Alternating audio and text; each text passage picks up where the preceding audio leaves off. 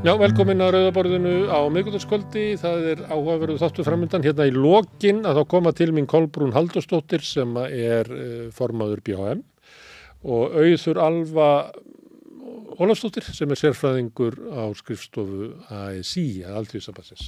Ég ætla að tala við þar um réttlátt umskipti.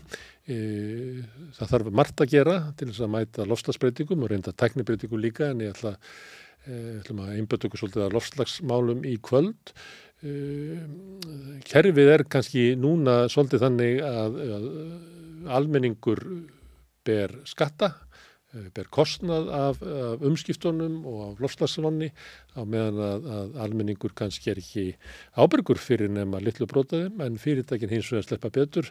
Einhver orðaði svo að, að fyrirtækin fái gullrætunar og, og kvatan en almenningur fái latan. Þetta er uh, vandamál, deilumál sem á sér stað út um allan heim og verkefliðsreifingin uh, er að setja þetta á oddin, vil ræða við stjórnvöld um það hvernig sér staðið á umskiptunum og Kolbrún og auður alfa ætla að koma hérna eftir og útkýra þetta fyrir mér og ykkur um, um stöðu erindi verkefliðsreifingarnar varðandi, varðandi lofslagsvanna og hvernig þau ætla að tryggja það að, að umskiptin verði réttlátt. Við höfum svolítið rætt um rasisma hér undan, undanfarið. Eiríkur Nordal rítundu kom og við rættum saman um svona rasisma í utarkismálum, í flótamannamálum, innflytjandamálum og ýmsum málum í, í svona grunnkerfum samfélagsins en líka í samfélaginu sjálfu og meðal einstaklinga. Við ætlum að halda þessar umræðu áfram og í kvöld kemur Margret Valdimarsdóttir ábráttafræðingur og ég ætla að ræða við hana um svona áhrif rasisma á undirheimana og réttargæslukerfisins, hvort að það sé þannig að, að út af rasisma í samfélaginu þá séu hluti fólks rækið út á, á jaðar, fær ekki innkomu inn í samfélagið og leitar til þess að búa sér til einhvern vettvang utan samfélagsins, þar sem að fólk getur sótt sér einhverja virðingu og stolt og tekjur. Það ræða við Margreti Valdimarsdóttur um rasisma og mun halda því áfram síðan á næstu dögum og vikum að ræða um þetta fyrirbriði sem að erum með þá kenningu hérna við rauðaborðið að þessi ólíti rættum þetta, þessi látið út eins og annarkort sé til ykkur sem er rasisti eða ekki rasisti. Þetta, höfum gott að því að ræða svolítið um rófið þarna á milli, að, að, að við séum að horfast í augu við það að, að það sé ímislegt í kerfunum okkur sem er rasist og að við getum minkaða ef við viljum kannski vill eitthvað auka það, ég sjón til um það. En Grindavík er náttúrulega aðalmál uh, þessara daga, það eru gríðalar náttúruhamfari sem gangaður yfir og hörmungar sem ganga yfir grindvikinga sem eru dreifðir núna víða, uh, hafa þurft að flýja bæin sinn, um, 3600-3800 manns sem eru víða.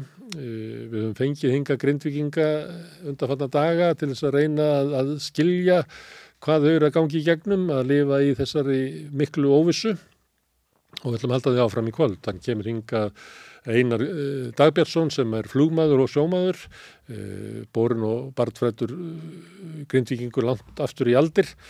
Hann ætlar að spjalla við mig en, en við fáum líka Hörð Guðbrandsson sem er formaður verkefliðsfélagsins í Grindavík.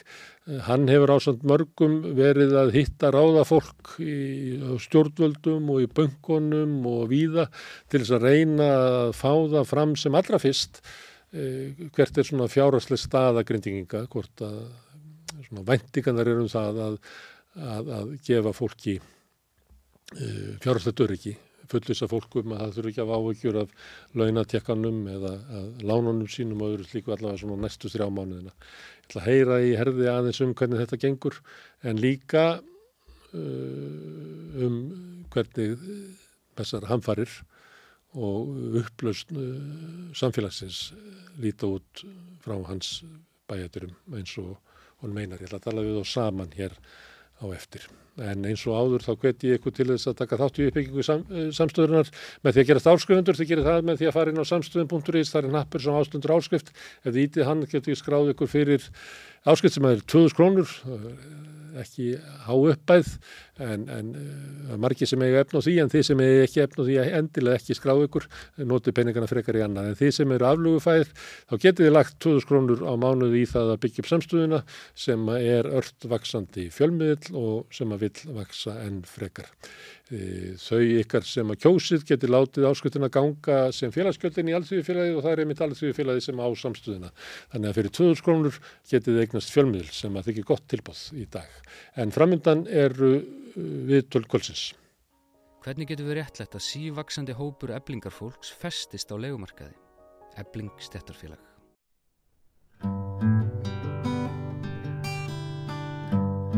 Já, við ætlum að fjalla um Grindavík auðvitað. Það eru stórir viðburðir að gerast. Það er, hafa verið náttúrhanfarir, gæti orðið meiri náttúrhanfarir. En það eru líka miklar hamfarir hjá fólkinu sem eru á fjóruða þúsund grindvíkingar á flótta undan landinu hafa dreifstum í það. Og til þess að ræða þetta eru komin ynga tveir grindvíkingar. Það er Hörður Guðbránsson sem er formadur verkefliðsfélagsins og Einar Dagbjörnsson sjómaður eða hvað, flúmaður Já, flugmaður og sjómaður er ekki. Veist ástu það? Herðu, að því að þú ert að eh, sem formaður í verkefliðsfélaginu að, að sinna ímsu svona um sem er í stöðu þessa fólks sem að flúði heimili sín Já, já. ef ég myndi spyrja svona hvað, hvað er það helst sem að, að þarf að redda? Sko, það sem að við, náttúrulega fórum að meta þessa stöðu. Kanski fyrsta lagi, við, við þurftum náttúrulega að, að koma okkur upp aðstöðu annar staðin en Grindavík og, og Ragnar Þóru var mjög hérna, almenlegur og bauð okkur allt sem hann gæti, þú veist, Mm. aðstöðu og, og aðstöðu starfsfólks og bara tölfur og hvað sem er og búin að hjálpa okkur alveg ótrúlega mikið. Sko. Ég mun taka myndina af fórsetunum niður og setja mynd af honum upp, hérna er það þessu líkur. En síðan vorum við að greina þessa stöðu og hann á náttúrulega kannski næst flestu félagsmennina hérna, hann er með um 400 og ég er með um 1300. Þannig að Þetta við, er allt fólk sem er í fullkomna óvissu. já, já, algjörlega og hérna, og, og svona fleiri á jæðurinnum svona, sumir eru með vinnu í Keflavík að sangerði hafa ekkert hús, að, aðri voru kannski að vinna í Grindag en bjúku annars það, sko, þannig að það, það er aðeins öðru sér líka. Já. En við vorum að greina þessa stöðu hérna um helgina og, og hérna fórum svo bara fullt á mándaginn og búin að vera í rauninni síðan.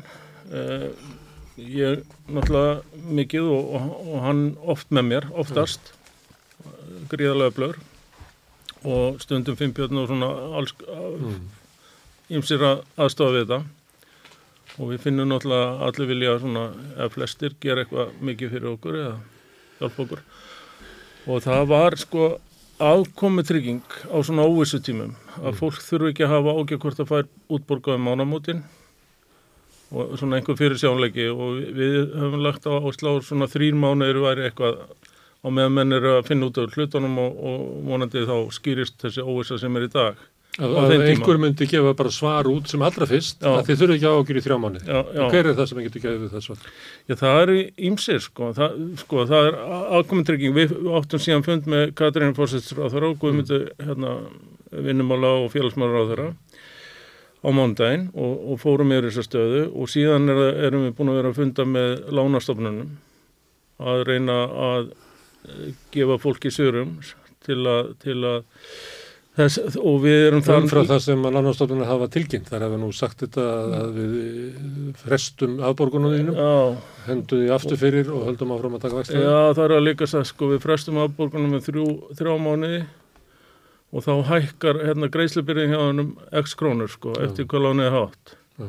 Og þetta er bara alls ekki nægilegt, sko, þannig að við, við þurfum bara að gera meira.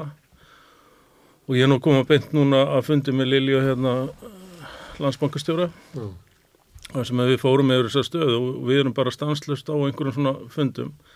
Það er sem sagt launin, það, það eru lánin og þetta þarf að gerast mjög fljótt þannig að menn hafi svona fyrirsjánleika Já. í þessa þrjá mánu. Til að reyna að, að draga úr óvissu hjá fólki sem að lifir í fullkomin óvissu. Já, nákvæmlega. Það, það er það sem að við erum að reyna að vinna í núna Mm. og er bara að kosta gríðarlega vinnu. Plus náttúrulega húsnæðismálin. Hérna, stjættafélagin er náttúrulega skilin orlashúsanum sínum Já. á fullu við að losa þau og koma þeim mm. stjórnvöld munu síðan útluta þessu miðlögt uh, þau óskuðu eftir því og allt í góðu með það Óskuðu stjórnvöld eftir því að Já, að hafa um það að segja hvernig þessi er útluta. Hvaða fyrirbríði hjá stjórnvöldum gerir það? uh, Ég veit ekki hva, hva, hvar þeir setja þetta, ég, kannski hjá Rauðakrossunum ég, ég hérna, held ég hafi hýrt eitthvað um það að það færi gegnum þá. Og síðan er náttúrulega verið að skoða alls konar hérna, tómar íbúður á Hauðborgsæðinu og, og Airbnb og, og hérna, við erum búin að ræða þetta allt við stjórnvöld. En það er kannski ekki komið nýðstæði í öllu og en vonandi gerist það bara mjög fljótt það, það liggur á í þessu. Nú er allt óvíst hvað er langur tími. Eða hvað, er það að skýrast? Er svona fólk byrjað að tala sig niður á að þetta er langur tími? Nei, já, við vitum náttúrulega að þetta eru vikur eða mánuðir í lámarki, sko. Þó að gerist ekkit meira heldur en er núna. Þá þarf að býða til að storkni Já, já, og, og hérna lagnir í sundur og náttúrulega tölvert á húsum ónýtt og svo frá við, sko. Þannig að það er tölvert, tölvert, það er enginn að fara heim í næstu viku eða þannistu. Það er bara liggur alveg fyrir. Það er bara ekki neitt, sko. Og fólk er núna að berjast í því að koma sér upp, sko, flesti bara flúðu hérna hamfara að, aðstöðu á förstudeginum Já. og eru inn á ættingum og vinum mikið fóru bara í fötana sem við vorum með en margir náttúrulega búin að komast heim og ná sér í eitthvað smottur í En fólk er bara búið eins og að sé að fara í, í þryggja vikna já, Ferð- já, e- ekki meira en það sko. Og síðan er, er núna er fólk að- reyna að redda sér íbúðum. Ég heyrði að fjölskyld í dag sem að fekk íbúð í Garðabæ 400 og eitthvað þúsund. En hún getur bara ekkert beði, hún er bara nánast á göttinni og hún þarf bara að taka þetta. E, leigumarkar er já, náttúrulega já, hryllingur bara klikkaði sko. Og ekki bara í Reykjavík, heldur eiginlega út um all landorð. Já, já, en já. Þannig að þetta er bara staðan sem fólk er í. Það er aðeins farið að sjá framann í það að hérna, þetta er ekki lokið 1 og 3, þannig að menn er að reyna að koma sér fyrir með, til lengri tíma heldur en kannski viku, sko, hjá ættingum vinnum eða tvær. En samt er það að fá hérna útlutað sumarbústað í brekkuskó fyrir segjum fjármanna fjölskyldu. Það er, Nei, það, það er mun, eitthvað daburt við það sko. já, já, en það mun heldur ekki ganga. Kannski er það þess vegna sem að stjórnum vilja hafa þetta miðlegt að batna fólk þá náttúrulega vera nála skólum og þess aftar og ég, ég skil það alveg. Já. Þetta verður gríðarlega flókið að, að útdeila þessu og Þetta er bara mjög snúin stað að mjög mörguleiti og, og, og hérna svo liggur okkur mjög á og, þetta kerfi okkar er nú oft bara svifa seint en vonandi bara er hérna hægt að gera þetta aðeins ræðar en venjulega. Það, það, það þarf bara að vera þannig.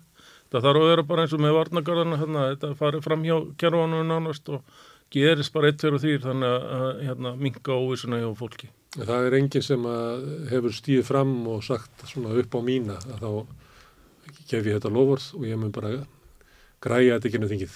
Nei, það, það hefur rauninni enginn gert það. En, en, en leitaði hver á að borga þetta en, raunverulega. en margir hérna, sína okkur mikið velvilja í orði, vonandi verður það í borði og hérna en þá eftir að koma í ljós algjörlega en, og svo óttast maður að menn fari svona halva leið sko. Að, hérna, væri, eh, þú veist, við förum fram á eitthvað og þeir skera það niður um helming sko, þannig að við förum fram á afkomu tryggingu hjá fólki já, og þeir koma með einhverja leið sem að þýðir tölu verða skerðingu. Þannig kannski 70% af launum eða eitthvað slíkt verður fyrir fjárháslu áfalli ofan á allt annað. Já, það gerir hlutina aðeins erfiðari Já. En varðandi svona, svona félagslega þætti um að, að halda grindvikingum einhvern veginn saman. Já, það náttúrulega var verið Það er að opna náttúrulega að, að, að það dó enginn. Nei, sem En betur- samfélagið það, er, það er samfélagið eiginlega sem er sko grindvíkingurinn á millikarallra sem er eiginlega fornalabið. það, Já, já en sem betur fyrir finnum við alveg gríðanlegan samhuga um all land og ótrúlega margir búin að hafa samband og, og hérna bjóða alls konar bara og sem er ótrúlega flott. Og síðan var náttúrulega verið að opna þess aðstöð í, í tóllúsin í dag þar sem grindvíkinga geta komið svona uh, mótelið þarna eftir vestmenningunum þeir voru þarna í Hafnarhúsinu á sínum tíma eftir gósið og töldu að það hefði nýst þeim mjög vel upp á samkendinu og ég veit að voru margir hann í dag. Ég, ég reyndar hef ekki haft bara tíma til að komast, ég hef bara endalist að slökka einhverju elda sko. Og þú er búin að vera á fundum og milli funda eiginlega frá því að þetta byrjaði ekki. Já, jú, þá má alveg segja það. Og hérna bara endalausir fundir sko, vonandi fyrir þetta að skila á, á einhverjum árangri.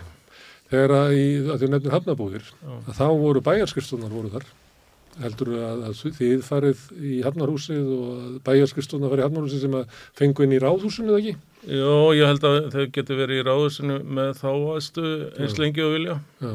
En hefði það eitthvað gildi að flytja alla stjórnsýsluna og öll félögin bara í hafnarhúsið? Nei, nei, Nei, endilega. Það er nú bara að fólk geti hist og fengið svona ráðgjöf og, og knúsa hvert annað og svona spurt, spurt hérna, fyndi út úr sínum málum svona, hérna, og geta bera saman bækur og, og þess að það sko. Ég held að það sé nú í byrjun allavega aðalmálið.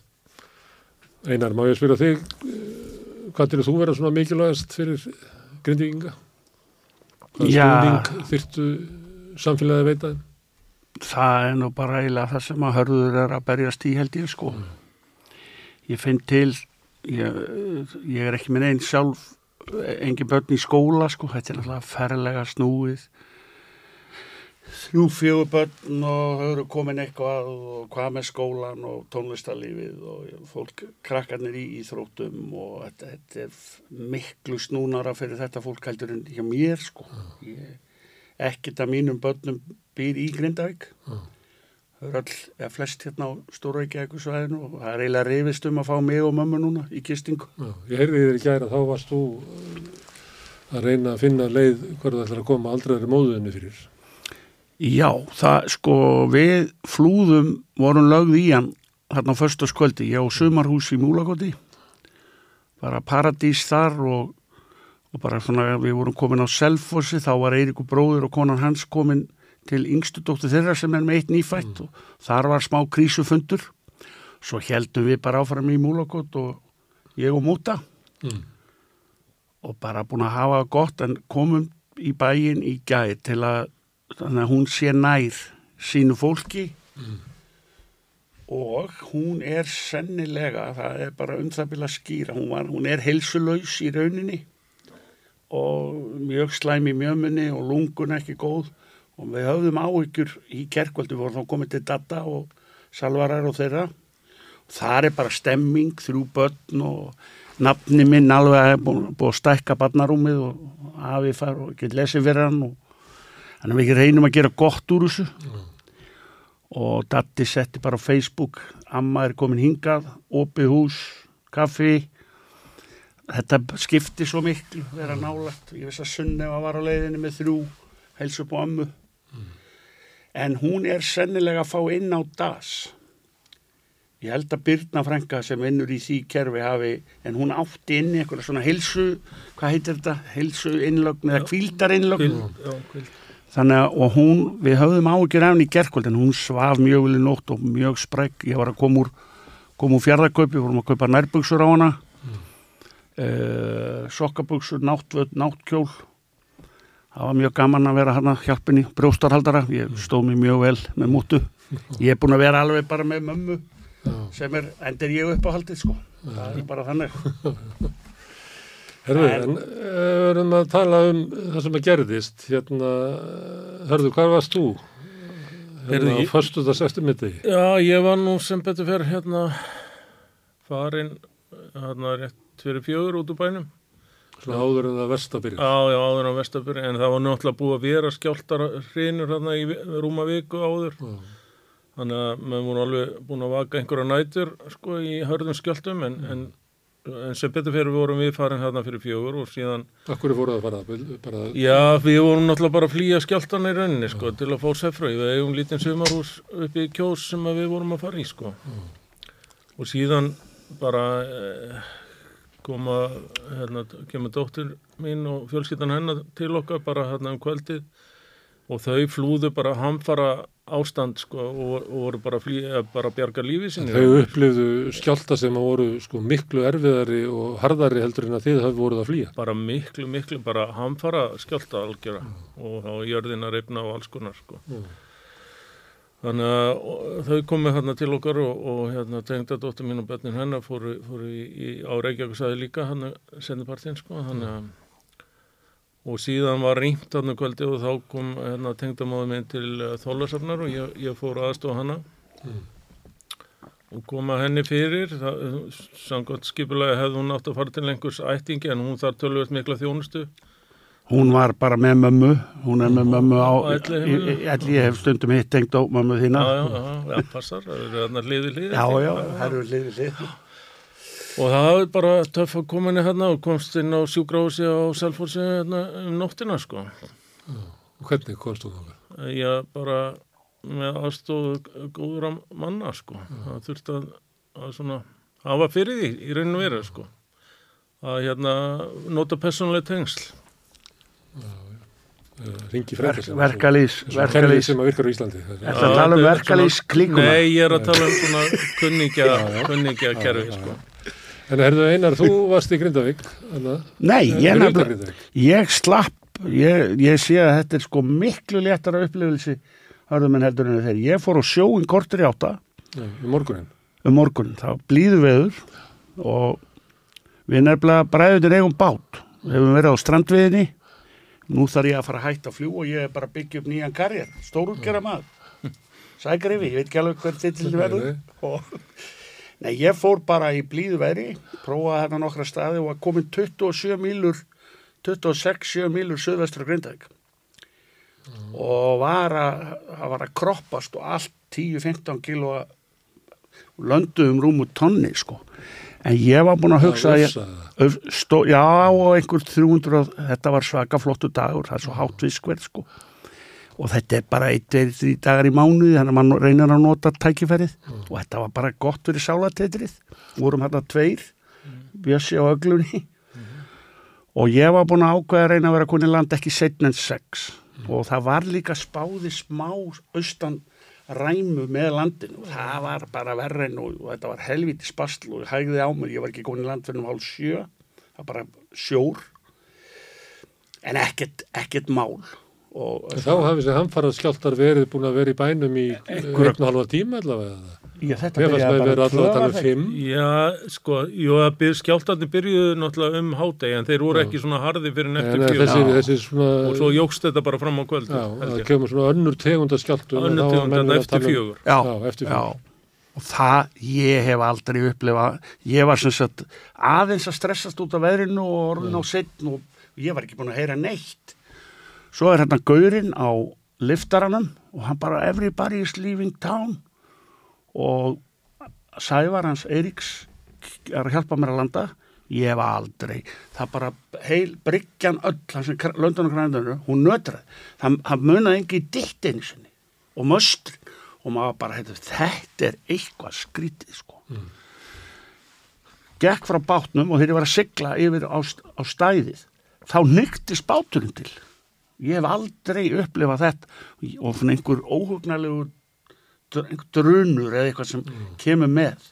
Samt var vélinn í gangi, ég bara hæga að ferða ganga frá bátnum. Heim í störtu, sjógalinn í þóttavélina og borðuðum hjá Byrnu Frængu þá höfðu allir og þau bara þá var komið hættustig frá óvissustig sem búið að lýsa yfir. Mannstu hvernig það var um kvöldið? Ég, ég landa hálf sjö, ég var búin hálf átta, við erum í mat upp úr átta hjá Byrnu. Þá sagði ég við mamma, herru, þe- mamma, nú gefum við skítið þetta og förum bara í múlakott. Það var áður en að hættu, að lýsta yfir hættustíði það. Já, já, já. Og löngu áður en kemur rýmingin, hún kemur þarna sent í Ég kvöldið. var, já, sko, ég legg á stað og Grindavík um tíu um kvöldið. Og nötraði og lendi þarna í smá viðtali, þá var vísir komin að stöð tvö og, og, og íbúðin hjá mömmu var hrikalega illa farin, sko. Hún er á samskiptum og hún er ekki að fara þar á næstu. Og þegar við komum á Selfoss um 11, þá frétti ég að sé búið að skipa rýmingu á bænum. Þannig að ég var svona klukkutíma á undan held ég. Ég held að rýmingin hafi komið, skipun hafi komið rétt fyrir 11 verða ekki. Mér minnir þetta hafi verið svo. Held að. Mér finnst þetta nefnilega, þetta er svona eh, eitthvað, það, það er eitthvað að stilla upp þessari tímaröð. Mhm. Því að eins og fólk lýsir þessu þegar skjáltanir allt innu bara breytum karakter. Þá lýsir fólk þessu en auðvitað kannski það sem að fréttir síðar um kviku ingangin. Þá Mhm. lýsir það eins og það sé bara beint undir fótunum á mér. Þetta er allt öru þessi skjáltar. Ég, ég, ég, ef ég hefði vitað að, að kvika maður er komin undir bæinn, þá hefði ég farið inn í sandgerði. Held ég. Já, já. En, en mér finnst, ég held við búum alveg rosalega vel með, með þessa eldfjallafræðinga og, og það má alltaf eitthvað krítisera, en mér finnst við vera í svakalega góðum málum. Já, já, ég er Held ekki að, ég. að, að, það ekki að benda á neitt, ég er bara að velta fyrir mér að það sem er að gerast þarna, þá er kvikan að ganga undir bæinn Algjörlega. Og, og, og sömuleiti þegar maður hlustar á, á jarfræðingu eftir þá er kannski bara hefni að hún gekk ekki upp sko. Já, ég held það. Með heyrist það, með. Já. Þetta gerðist mjög hrætt einhvern veginn. Það var náttúrulega mjög margir og einhver guðslukka að, að svona margir bara flúðu Já, mjög og margir, svo að, að, bæri var temtur já, já, mjög margir voru farnir og hérna, áður en að rýmingin kom í raunni. Ég hugsa að við yfir 80% verið farnir. Sko. Held, já, alla, já, já, það var mikið af fólki og ég sá tvo húsbíla sem ellinlega eru bara konur í geimslu, sko, þá voru menn að græja þá, sko. bara til að fá frið Já, já, ég held að sé fullt það af var fólki. bara óbærilegt að vera Já, Það var óbærilegt. það var óbærilegt. Þetta var óhugulegt, sko. Svo eigum við náttúrulega inn á björ, bestu björgunarsveiti á landinu og hérna, hún gerði þetta mjög vel eftir að rýmingin var ákveðin sko. Þetta gekk mjög flott og vel fyrir sig í rauninni. Ótrúlega flott, flott sveit sko sem við eigum. Já, Við erum hefni með. Hefur þú farið uh, aftur í bæinn? Eh, Til Grindavíkur?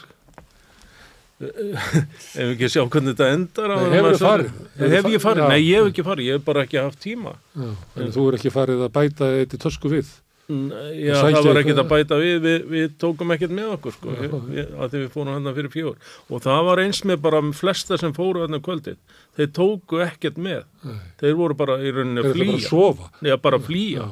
Já. og, og sumi bara Já, já. og töldu sig í lífsættu og voru bara fóru í fötunum sem voru í, bara þó nokkur hópur þannig sko, já, ég var með cirka eitt, tvö pöra hverju svona sem ég gríti í. Og en ég fekk að fara í fyrradag þegar það var hleyft fyrst inn. Já. Náði uniformið mitt og loggbókina og svo á ég þetta, þetta verður skrítin forgangsröð sko með tvo breska fréttamenn sem fengur far með mér. Já.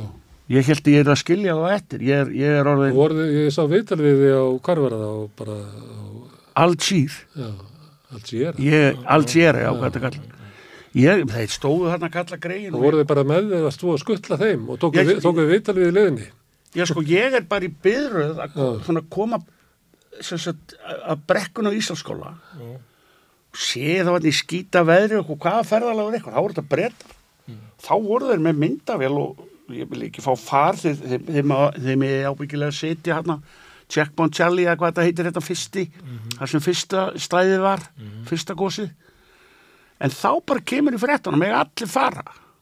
Ég segi þið fáu ekki fara með mér nema að hinga held ég en þarna er löggan og þið fáu skjól og svo bara ekkert mál. Og þeir eldu mig bara og fóru að setja á mig mæk og hjálpuðu með mér segja, þetta átti að vera þrjár mínútur ég náði nú að tegja þetta upp í nýju mínútur, þrjár mínútur á mann. Sem férst að vera inni? Ég, það var engin að skipta sér af því og það var úkislega flott að koma þegar við erum og vantar einhver aðstofa Björgunarsveitin sko, Já, en já, við erum bara að fara aftur þetta er En alveg þú fóst í heimsfréttinar hann og, og talar um að, að það væri víðar annars staðar áföllöldur en hér. Já, ég minna strákar, það er engin döður, það er sko í fyrsta lagi.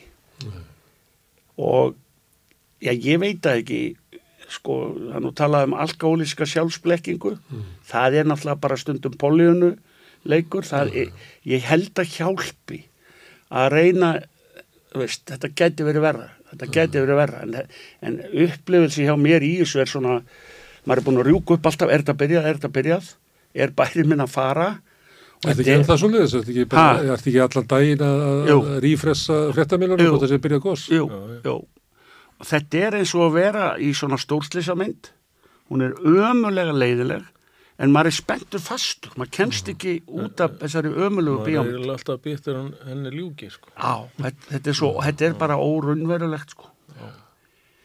og þá nota maður ímsar aðferðir og meðal annars Já, að það hafa ykkur verra en ég það, það er bara, bara grípu til allra að, að, aðgera til þess að lifa í gennum óvísuna ég held að geti hjálpað sko. En það hafa náttúrulega margir verið en við sko, við, við erum ekki þar við erum ekki í stríði eða einhverju ömulegu í Palestínu eða Úgrænu eða eitthvað sko, við, þetta er skára en það Já, þetta gæti verið vera. þannig En þessi get- óvissa er alveg stór undarleg. Að hún- vera svona inn í miðjum Já, og uh, þú gæti farið þangað sem er bara einhver horror. já, já, En það er samt orðið alveg ljóst að þetta eru svakalar hamfarið sem hafa gengið við bæinn. Nú, nú þegar. já, nú þegar Já, það er verulega skemmtir hérna, mörg hús bara ónýtt og, Og önnur Náttúrulega- sem verða líklega dæmd ónýta því Já, að þau eru já. bara á villinsu stað. já, og lagnir og annað sko Já. þannig að það, það tekur einhvern tíma að græja einhverja búsetu þannig aftur sko þó að þetta hætti nú bara í, núna sko Já. Það voru skeri fréttir á, ég veit að Heimir á Trilli, hann er farin með bátinn í Hafnarfjörð. Við ætlum að fara á morgun, restin, spáir vel á morgun. En þá var hann að tala um einhver bryggjan væri sín 60 cm. já, já, Ég veit ekki hvort það og þá sagði Eiríkur bróði, já, það er eins gott veru við flotbryggju. Við Það er að, svona innviðir eins og Bryggjan sem er mikilvæg. já, ég sko, ef að bryggjan er farin, eða ef að, að hraunni fer þar, eða byrjar að gjósa þar, þá held ég að Grindavík sé búið að vera. já, já, ég er bara sammála því Er það ekki? Jó, þetta er lífað bæjarins það er höfnin Ég man eftir Ólafi Jóhansinni, hérna framsóknar, þegar hann, hann hafði með sérstakann talanda, sko. Vestmanna eigjar skulur ísa. Ég man alltaf eftir þessu. Ég segi með hann að höfnin er hann Grindavík skal rísa, sko. En eh, þið eru þannig í óvissu að, að hvernig er það, þá er möguleiki á hinnu allra versta Já, að plossið fari bara undir raun Eða þetta farið vel. Já, Og já. þið sveiflist þar bara villi eins og, já, Þetta bara seiflast innan dagsins oft sko, Já. þetta er svo mikill rússibanni að hérna, þú veist, maður er kannski bara langt neyri hlutadeginum og svo bara mjög bjassitt einhvern smá tíma og svo aftur, þú veist, þetta er bara endarlegt fram og tilbaka sko. já, og svo eru þið með Poljón og fleira allir hjálp ykkur, en þið Já. er líka með svona sem að er í, að maður tekur bara inn það sem að maður þólir. Þannig að kannski er ástandið sko verra og staðan er verri heldur en að þið hafið horfstu augu við. já, Já, Það ég, kannast við það. ég hugsa það nú kannski sko. maður, með fullt af afneitun. Já, já. já, Ég hugsa að geta alveg verið rétt, já, svo líka bara sérst heldur ekki allt, sko, þetta er onni í jörðinni, eins og sprungur og annað, sko, sem að uh, þýðir meiri skemmtir heldur en maður átt að sjá í dag. Ég, ég ímyndi mér að það geti alveg gess, sko, að maður muni sjá meira af skemmtum, þó þetta hætti bara núna, heldur maður átt að sjá í dag. það er uh, allir hólpnir, það dó enginn eins og segir. það er, En það er uh, samfélagið í hættu. já, Segðu mig frá hérna, Grindavík. Þú ert hérna, Þetta- langt aftur í bara, eins langt og þú sérð. já, já, já, Þitt fólk hefur búið þarna. hann, hann er einn af þessum hefnum sem komst inn í ættina, Uh, konan hans er nokkuð, Já. við erum að húsa tóttarætt. Já. Já, maður er náttúrulega, við vorum um þetta að segja við mamma, maður, ég, það er eins gott að pappi bara farin og þurfa ekki að taka þátt í þessu, sko, hann þetta færi alveg með hann, sko. Þetta sé svo mikill harmur. Þetta er mikill harmur, já. Já. Og ég held, sko, maður er ekkit bara að melda þetta, maður er bara í einhverjum svona eins og þú segir rússipanna og, og da, da, da, da, da, da og en það er eitt sem er rosa jákvætt, það er svo mikið miklu meira verið að tala um andlugu hliðina eins og þessi hjálpamistuð og, og áfalla hjálp og, og það er mjög mikið, þetta var ekki spáð í þetta veist, 73 þegar góð sér í eigin, það talaði enginn um, við enginn hvað það var. Og það virðist, maður heyri víða að það þarf að halda utan um fólkið og, og, og hjálp sko. ég, og ég get alveg ímyndað eins og með sjálf þó maður sé í póljónuleik en það kemur alveg svona nútur stundum og hvert er þetta að fara? Og þá bara svona, maður herpist aldrei saman. Þetta er ja, þetta er gífulegt álag samt er ég í rauninni að, að sleppa betur en margir, ég er ekki með börn í skóla. Ég, er- ég er með held vinnunni minni og þú veist. Ekki með nagandi afkomu kvíða Nei, ekki það. Og hvert þegar börnin að fara í skólan og allt þetta. Ég er að sleppa svakalega so far, so good held ég. Og að vera gott að sinna mútu. Við höfum búin að ræða náttúrulega lífið og tilveruna upp í múlakotinu og þú veist, en, en þú veist, eins og þú sagði, það er engin döður og Það var þú sem sagði það. Já, Það var að vitni þig. já, ok. þú sem sagði það. Já, ég meina, svo bara höld, ef að höfnin verður Já. Þá munið þið byggjit upp. já, algjörlega, Þá kemur við með nefan og segir, algjörlega. Þetta er nafli alheimsus. Ég hef oft sagt við kollegana, það er svona kannski verið að misnota flugstjóra valdið, sérðu nú hérna, við fljúum oft nálaðt grinda við erum að fara, þetta verður góðu dag, sérðu, nafli alheimsins. Og svo komum við tilbaka kannski beinti og hann endar á því að fljúum við nafli alheimsins.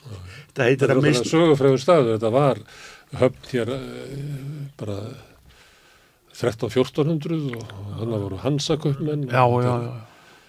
Það er, hérna, þetta er ekki, þetta var ekki til í gær, þetta er Já, já, já. djúparætur. og bara græn engi og, og, og, og búskapur böllandi þarna framöndi 1200 og hvað, 10-20 þá fór að gjósa í einhver 60-70 árið ekki Og eins og mun gera núna. sennilega, það er allt sem bendir til þess En, en að því að tala um að það vísa með mannlegu hliðin og vísa til 73 Já. Sem að maður er alveg heyrt hjá á þeim sem upplöfuðu það.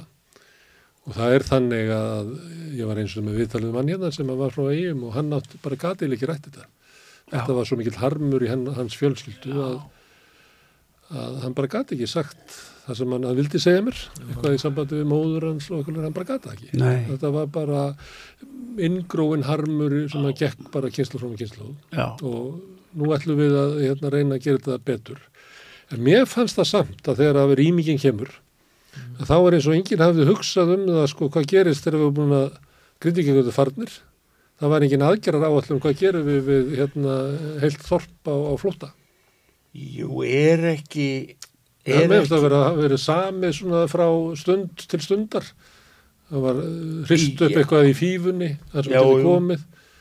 Og það sé eiginlega verið að semja það núna, sko, viðbrasáallina sem að kannski hefðu átt að hafa eitthvað, eitthvað Nei, ég veit til dæmis að bæjastjóðin í Grindavík þeir eru mjög meðvitaðar um alla útlendingana hugsaðu ykkur þá sem tala kannski ekki málið Sem er stór hópur, eitthvað gískaðu að verið alltaf þúsund manns.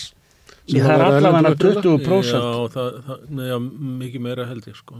Já, Það er alveg upp undir helmingi félaginu hjá mér sem er með 1300 menn sko. já. Þannig að það, það er gríðlega stór hópur sko. og, og ég hef heyrt sko, það er, bæjastjórnin er eitthvað að reyna sérstaklega að passa upp á þá. Já, mér finnst allt þetta það er verið að reyna sko, já. held ég. Ég hef það á tilfinningunni. Ég, það sem ég bara hugsaði, ég, ég, er bara svona, svona fyrirhyggjun að þessu, af því að við vorum með, að- til þess fréttinnar af þessu, vorum mest og minna um jarðskorpuna og, og um viðbraðs áallanir og um, um hérna, stjórnstöðun í skóarlíð og um svartsengi og eitthvað fleira. Og svo þegar bærin er rýmdur, að þá fannst mér svona, í- svona í fréttaumkörinu, það tók eiginlega svona 2-3 daga að átta sig á því hamfarinnar sem að við erum horfa upp á. Já. Eru þið? Sko, Ekki jarðskorpar, sko. Þú veist, þetta, Já. það er eiginlega, hamfarinnar eru sko fólkið. já, já, sko, já. einhvern veginn held ég að þetta hafa nú orðið miklu hraðar og meira heldur en. Allir átti vona og, og hérna, ég var nú bæðistjórn þarna í þónugráður og ég man ekki eftir því að menn hefði sagt að það, þetta gæti verið möguleiki sko. ég held að menn hafi alltaf átt vona að menn hefði þó nokkuð tíma. Alveg möguleiki að kemi hraun yfir bæinn og allt það, en að þetta kemi utanfrá, alls ekki upp í bænum það væri bara ekki fræðilegu möguleiki. Þannig upplifi ég að hafa hýrt þetta sko. þannig að ég held að enginn hafi átt vona því að þetta færi undir bæinn heldur Já, að þetta hafa úr eldvorpinu að svarsengi úr þessu nágræni þarna. Jarðfræðingar hafa sagt að það komið með algjörlega óvart að sko hérna kvikugangurinn hafi gengið svona langt Já. og fram í sjó þegar við heilt að segja það er bara eins og hafi, enginn hafi hugsað út og menn var, viti ekki eiginlega hvaðan kvikan kemur. Það var nú einn hérna í gær, hann Haldur sem var að segja það þetta væri líklega eitthvað kvikuhól sem við vissu ekki af áður. Já, því að, að menn sáu enga breytingar á þessu sem er að vera að fylgjast með, ég held að það sé undir svartsengi já, það er búið að vera að tæmast e, þarna í eldvarpunum eða ekki? Já, allan undir þorpinu hann er búin að Já. lækum, ég man ekki hvað metri eða eitthvað, það er ekki þannig eins og það, svo kvikafarið, þetta sé hún. Já þeir voru ekki að spá því samt, já. ég heyrði það það er nú, hún er bara skotið sér hann yfir. Nú erum við öll dottin á jarðfræðinu já, já, já, þetta er, þetta er ótrúleg fræði Ég er eiginlega að vona að við fáum bara góða eigu þarna suðvestur af í endan á þessu. Það, það verður slæmt í nokkra daga, öskufall, en svo bara innsiklingum verður Miklu helmingi betri, betur. eins og í Vestmanni. fáum bara betri innsiklingu eins og eigamenn. En það sem væri best var að fá einhverja niðurstöðu. Það er það sem allir, að, jó, jú, Er það ekki verið bara að vita hvernig þetta endar? Mjög mörg, eða nokkri, þó nokkri segja, sko. Jafnvel þó þetta kom upp í bænum, þá var bara best að klára það, sko. Já. Þannig að- að við séum komið með niðurstöð. já, Það því að óvissan er alveg svakalega erfið. Sem verið að geta ykkur bara... Hún getur manna innan, sko, alla daga, þú veist. Maður fer að pissa á nóttinu, maður tekkar á því, er eitthvað byrjað, sko. Já, í síma. þetta er er daldið absúlt. Og það er bara að fá, það eitthvað mun verða og þið hafið engin tök á því. Það er eitthvað, ykkur máttarvöld sem er Já, ráða já, eitthvað við stjórnum því ekki. Við Já, erum bara að lifa við það sem að við höfum. og fá bara að vita hvað það er. Já. Og það er tilkast að hugsa um að það væri best að myndi kjósa ykkur það þarna. Já, já. Lagt ef það gís ekki og þá þurfum við að býða eftir þessi kvikugangur stortni Stortni, já, já. sem að Veit að hvað er langur tími allavega þá erum við að tala fram í mars eða eitthvað. Já, já, þetta mun taka vikur á mánu, það, er- það liggur nú held ég bara á borðinu. Sko. Og svo Allavega- þarf að reysa bæin við. Já, já, það er heilmikið átak ef, að- ef að það verður hægt, sko, þá, þá mun það alltaf verða mikið átak. Það er allavega ljóst að við erum ekki að fara yfir 4000 markið eins og, eins og leit út fyrir á næsta ári. Það er alveg heilt hverfi hérna fyrir ofan elli heimilið sko, þannig að austalegi í bænum. Er þetta ekki rétt hjá maður? Stendur þetta ekki yfir fjóðus manns? Jú, jú, við erum eitthvað um 3800, jú, og, og alltaf fjölgun og hverju ári. Það, Fái bæ, bæir vaksið jafn ört á þessar öld eins og Grindavík. Nei, nei, já. Það er tvöfaldast eða ekki. Jú, jú, Þeir voru bara um 2000 um aldamótin. já, já, það var rúmlega 2000 um aldamót, þannig að það er nánast tvöfaldast Já. Og verið fjölgun og hverju einst ári.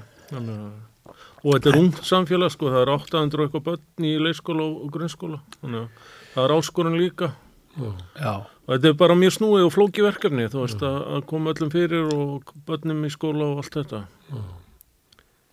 Ég ætla ekki að tefja ykkur við það, ég ætla nú að sérstaklega hleypa þér heim að kvíla því, hörður. Já, ég, ég sé það. ég er bara þreyttur, ég Já. viðkynni það. Já, ég bara gangi ykkur vel í, í ykkar verkum, en ég sagði hérna í gær að, að, að ef að þið viljið búa til Radio Grindavík til þess að ná saman samfélaginu, fjölmennar til þess, að halda utan um samfélag, þar sem að er oflant á milli fólks, að þá er ykkur velkomið að nota dótið okkar hérna. til hugmynd. að senda hérna út setti.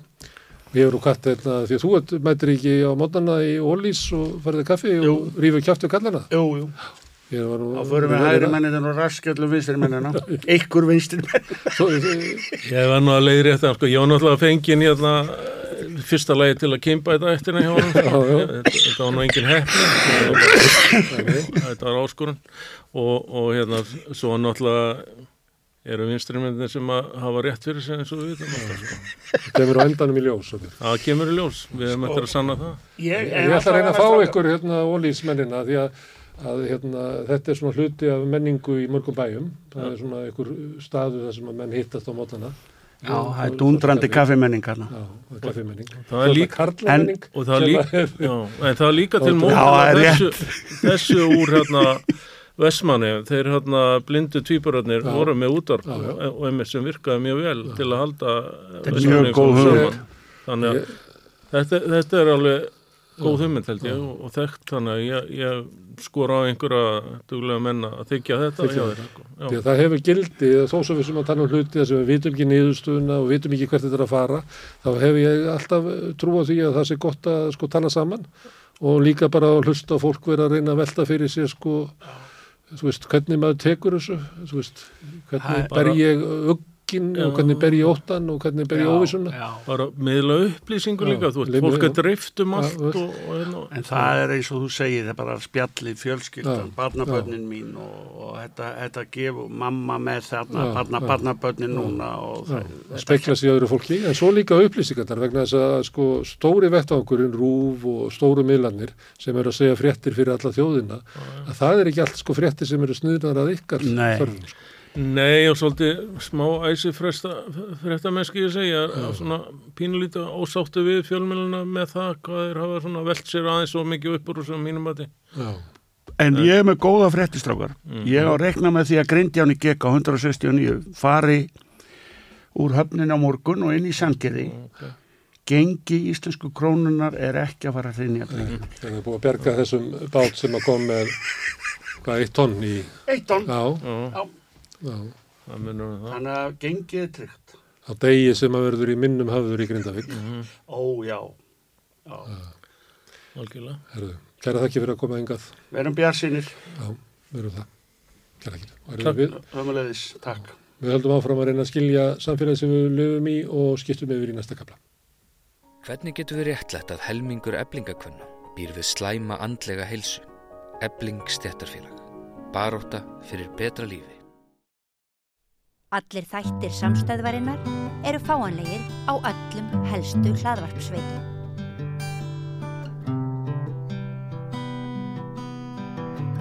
Já, við erum svolítið að ræða rasisma hérna við Rauðaborðið. Hann kom hingað um daginn, hann Eiríkur Örn Nordal, rítumundur og ég fekk hann til þess að eh, velta fyrir sér og okkur eh, rasisma í utanríkistefnun okkar innflýtjenda og flóttamannastefnu en líka svona bara í samfélagin almennt. Uh, hugmynd okkar er að, að við ættum að ræða þetta og kunna einhvern veginn að, að fjallum þetta, hvort að utanríkistefnan sé e, svona mikið rasísk eða e, temmilega rasísk eða eitthvað, hvað þetta er svo sem niðurstaðverður að, að þetta er svona hugtak og ástand sem við tipplum svolítið í kringum og, og náum þar næðandi ekki alveg kannski að skilja. Ætlum alltaf áfram og fá fólk til þess að koma og ræða við um rasisma og, og Margret Valdimarsdóttir afbrótafræðingur. Þetta er velkomin. Takk. Þú ert nú uh, mentuð í Ameríku þar sem að, að, að svona kynþátt að higgja er, er miklu betur könnuð og, og miklu meiri vitundum manna í samfélaginu á, á meðan að kannski er ekki mikla kannanir hér um, um raunverulega svona áhrif rasisma á, á samfélagið. Nei, ymmit. Já, uh, og líka bara það er svo ólík hvernig rætt um rasisma og kynþætti á, í, á Íslandi annars vegar og svo í Bandaríkján. Já, Þessi langa saga í Bandaríkján. Já, nei, það er hérna... Uh, en samt er það svo að við, við, við ég held að það sé almennt viðurkend að það má segja þessu svo að, að það er rasismi í samfélaginu sem að kannski, ég veit ekki, kannski við 25 árum hefði fólk vilja að halda því fram að svo veri ekki. já, já, Það er svona, ymmit. já, Já, ég, ég held að flestir átti sig á því að það sé rasismi í íslensku samfélagi að, að hérna uh, ég veit ekki hvort að flestir tengi að, að sem sagt, skoði sjálfa sig og hugsi, er ég mögulega, er ég haldin einhverju fordómum, en, en svona ég held að við séum flest svona farin átt okkur á því að, að það er rasismi í íslensku samfélagi. Og hvar innbyggt í kerfin okkar. innbyggt í kerfin okkar en hvar hann byrtist og hvernig er kannski eitthvað sem að, að hérna, við höfum ekkert verið að ræða á Íslandi og höfum ekkert verið að rannsaka á Íslandi eða skoða svona fræðilega heldur. Þegar hérna, ég hefði sambandið þig, þá var ég að hugsa svona tildiki mála, því maður séð svona uh, mál sem hafa verið fyrirferðað mikil, dómsmál og sakamál og það eru byrta myndir af oftast ungum strákum og þeir eru svona dökkir á hörund og hérna líta út eins og þeir eru ættir að reykja einhvert til Afríku eða Karibafsins eða Bandaríkjana eða eitthvað. En þetta eru, yfirleitt kemur svo í ljós þegar maður lesa hans lengra að þetta eru Íslandíkar. Þetta eru, hérna, annað fóreldrið er Íslenskt og, og, og við, við þekkjum það að, að, að, að þegar að kemur mikill ströymur innflytjandi inn í eitthvað samfélag og, og, og hann fær ekki fullan aðgang að samfélaginu að, að þá taka ykkur ákvarðinu það að bara búa sér til sína eigin veröld svona á jæðrið þess. Mm -hmm. Getur bara vísað í eru ítalarnir voru komið til bandaríkjana. En við þekkjum þetta líka í í Svíþjóð núna og, og mörgulöndum. En þetta er allt annað því að ef það eru, getur að verið þannig að Íslendingar sem líti ekki út eins og þeir séu að vestan, bara á vesturum, að þeir upplifið að þeir hafi ekki fullan aðgangur í samfélagið og að þeim sé hættara á því að reyna að finna sér eitthvað svona, eitthvað virðingu og eitthvað stöðu auðvitað þess. Já, ég held að sé, hæ, sé hætt á því. Og, og hérna og bara eins og með sko eh, litarhaft eða kynþætti á Íslandi að því að, að sko þetta er svo lítið kannad eins og ég sagði og, og í svona einhverjum stórum rannsóknum sem eru gerða til dæmis á ungu fólki á Íslandi að það er hreinlega ekki spurt um kynþátt. En, en sko nú er ég nýlega búin að vera í gagnasöfnun á, á ungu fólki 13 til 18 ára á höfuborgarsvæðinu þar sem að, að hérna, ég sapna upplýsingum um stórt úrtak af, mm. af þessum aldursópi og hérna og ég er að spyrja þau alls konar sem við kemur hérna meðal annars afbrotahæðun og, og, og, reynslu af ofbeldi sem þólendur og gerendur og svo líka hvernig þau upplega samfélagi sem þau búi, hvort þau mm. upplega mismunun og hvort þau verða fyrir fordómum og hvort mm. þau talja sér verða fyrir fordómum og svo slík og svo framvegis. Og það sem ég er mitt, af því að þú nefni þetta, það sem ég er að sjá í mínum gögnum að sko algengasta ástæðan sem að, að ungmenni hér á landi af annari kynslu sem bara eru fætt á Íslandi segja að þau upplifi mismunun er vegna kynþáttar, er vegna hérna kynþáttar. En fyrsta kynsluðin, þessir ungu krakkar sem eru að fyrstu kynslu sem hafa verið fluttingað, að þau upplifa frekar uh, hérna hvaðan þau koma, að það sé svona hérna og kannski tungumála erfileikar að, að hérna, Já. að það sé svona Tungumál erfileikana skilji en hvað mér eru með hvað þau koma Já, það er svona upprunni að það sé hérna þau upplega mismunum mm. vegna uppruna Já, en önnur kynsluðin að þá þarf að vera e, lítraft Já, já og það getur, það er ekki bara þeir sem eru frá Afríku eða afrikanski bandaríkja menn heldur getur það líka verið Norður Afrikanar eða fólk frá Arabalöndunum eða Já, já, já. já. Það er hérna, já, ég er með nokkur nákvæma mælingar í spyr, spyrum hérna land sem móður og fadir hafa fæðist í og hvar þau eru fætt, eru fætt annar staðar og allt þannig en ég er nú ekki byrjað að skoða nákvæmlega en bara þetta að krakkar sem eru fættir á Íslandi en er ekki hvít að þau upplifa bara mismunum í íslensku samfélagi vegna kynþáttar. Og kemur hann ekki á vort. Þegar þú spyrðir sjálf, sko. Og kemur hann ekki á vort. Nei, nei, ekki, kemur hann ekki á vort. En er það þannig að sem að tilgáta sem ég var að stilla hana fram að, að, að ef að samfélagið heldur hópi fyrir utan mm -hmm. að þá aukast líkunar á því að viðkomandi reyni að finna sér eitthvað stað utan samfélagsins. Ef að upplifið það að hann fær ekki sama sjens og aðrir í mentakerfinu eða íþrótafélaginu eða hvað svo sem að fólk sækist eftir einhverju sko félagi Já. að þá sé líklega að, að gatan og undirheimandir getur tekið við þér. Já, já. Já, það, það er hérna... Ég spyr eins og Bjáni, ég býstu þetta að sé svona en, en, Já, þetta er svona, á, sko, á. að það er bara fjöldamarkar ansóknir mjög víða um heim sem sína þetta að hérna að svona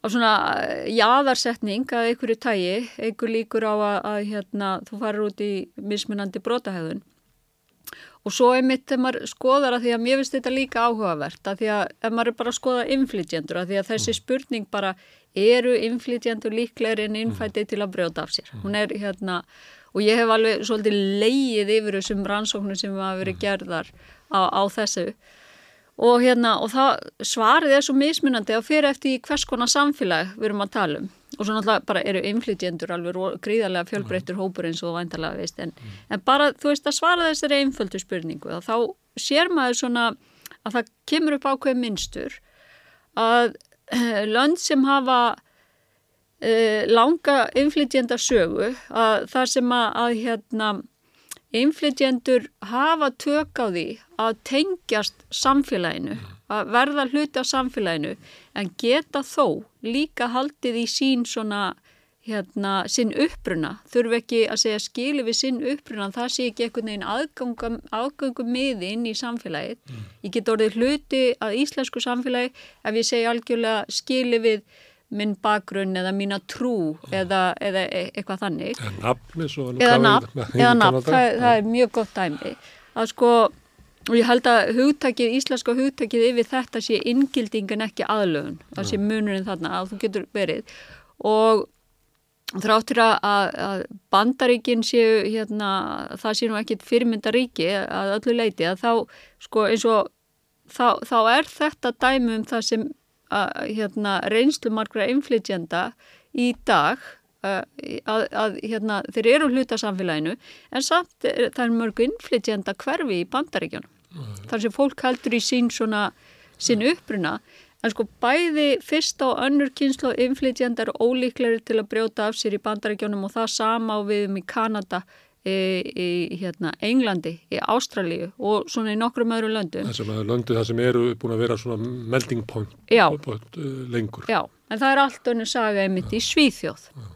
Og, hérna, og víðast í Európu. Og víðast í Fraklandi. Fóboltasnillikur Henry sem er uh, franskur svartur fóboltamæður spilaði í hérna í Breitlandi, eða Englandi og, og með náttúrulega franska landsliðin og alls hann fór svo til bandaríkjana í lók fyrirsins og þá las ég viðtalið hann og þá sað hann að það er svo gott að vera komin til bandaríkjana þar sem að, að jáfnveil svartur maður fær að vera stjarnar Já. og þá jáfnveil hann hefði verið þessi mega stjarnar í haugum Európabúa og frakka og þeirra áhangat Arsenal að þá upplifir að það að þetta er enn mun líklega sem að þú ert að, vísa til að, að, að það hefur rofni svo margi múrar í bandaríkjónum að þú ert með fyrirmyndir sko af e, ólíku fólki sem að hefur náð árangri í öllu já, já. þannig að hann við verðum þetta alltaf svo skrítið að jáfnfél maður sem hefur flóið svona hátt í Evrópu já, að hann, hann upplifir þetta Þetta er náttúrulega ákveðið stæmi um Sko, ég bara svona þann veruleika sem að, að dökkir inflytjendu búa við í Evrópu að hérna, verða aldrei alveg hluti af samfélaginu. Alltaf mynd á það. Eru, Alltaf mynd á það. Þeir eru sekundklass. Já. En það sem að, að því við erum að tala um aðlugun og hérna, eingildingum að, að maður hefur svona umræður um að, að innflytjendur ná ekki að la, laðast að samfélaginu og þess vegna séu þeir kannski til hlýðar og líkleri til þess að, að fara út í glæpi, má vera, ég veit ekki til það. Mm. Þú kanta þessar rannsónu þar sem að búa að greina þetta frá auðvitaður stjettinnar í burtu og allt saman og þá getur vel verið að sitja eitthvað eftir sem að segja þetta. En þegar það er önnur kynsluð, að þá er ekki vandin að það sé eitthvað að, að innflytjendur um hann aðlæðist ekki, þá er eitthvað að samfélaginu, það leip ekki fólki inn er ekki, þá er bara samfélagið er, þarf að aðlagast breytum heimi, eða ekki?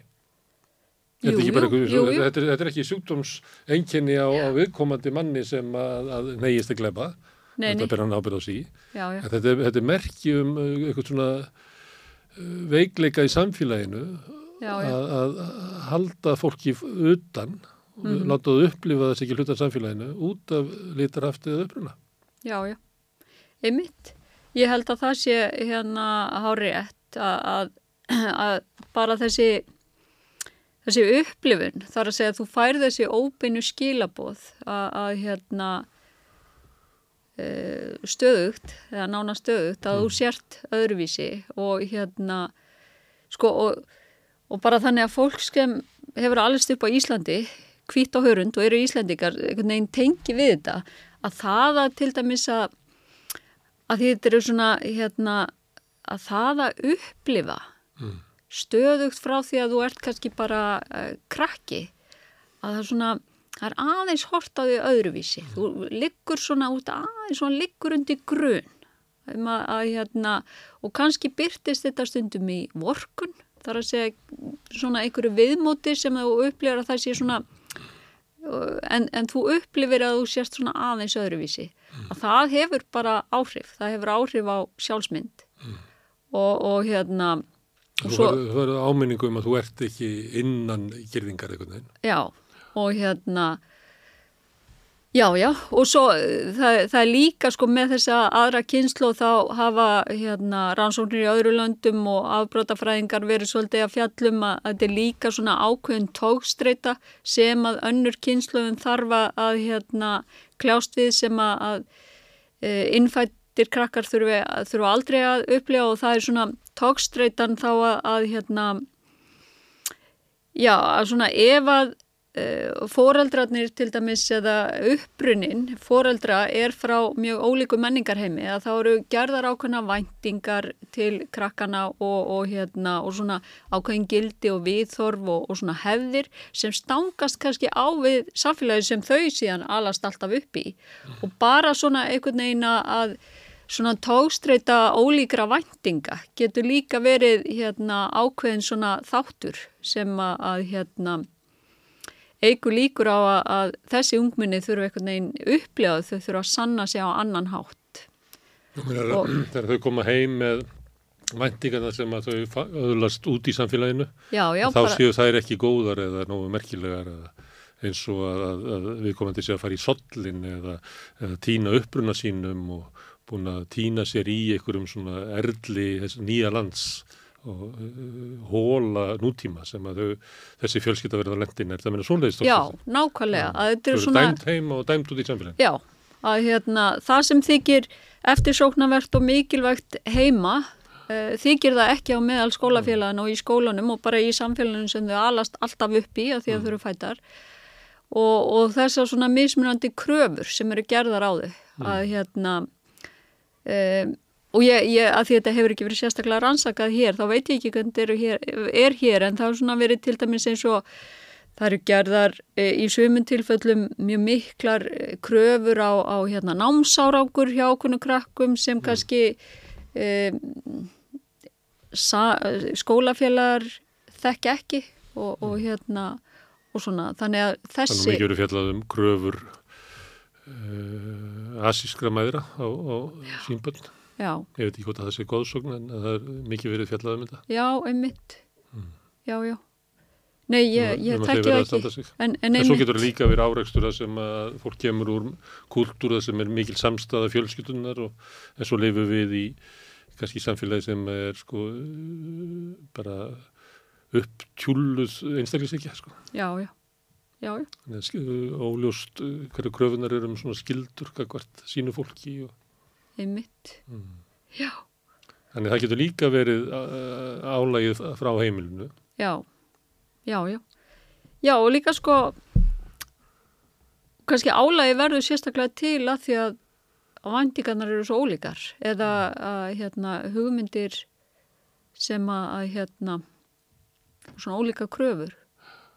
Og þá og það er svona talið vera já, álag sem að, að þessi önnur kynslu þarf að, að kljást við sem að önnur, aðri krakka þekki ekki já.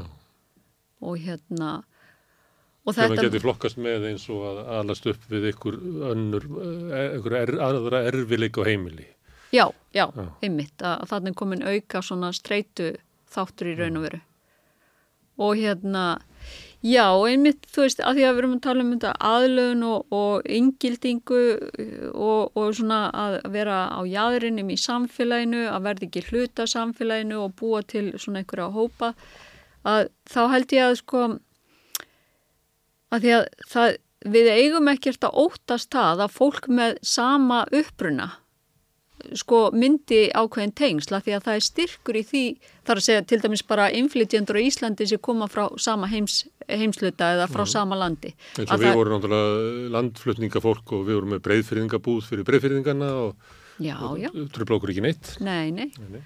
Bara algjörlega, það er hérna eins og pólsamfélag á Íslandi, Já. það er hérna fólk finnur stöðning og styrki því að hafa finna sína sko einhvern veginn að mhm. vera í samskipt Íslendikar á Kanari eða já, íslenski já. námsmenn í Danmarku Íslendikar allstaðar í heiminum og, og hérna þannig að það er í sjálfu sér held ég verðum að passa að hafa ekki einhverja sérstakar áhyggjur á því en það er sko og það er stundu talað um því afbrótafræði og félagsfræði sem svona bridging og bonding social capital þú mm. hefur hérna bonding eh, svona ákveðin hérna styrk og stuðning úr því að tengjast þínu samfélagi, þínum hópi, en þú verður líka að hafa aðgangað e, samfélaginu heilt, hafa tengsl við, eiga auðvelt með að mynda tengsl við e, fólk utan hópsins, mm. af því að það bara e, sko gott tengslanett við ólíka hópa, við þekkjum þetta sjálf og, og sérstaklega fyrir fólk sem er nýtt eða inflytjendur,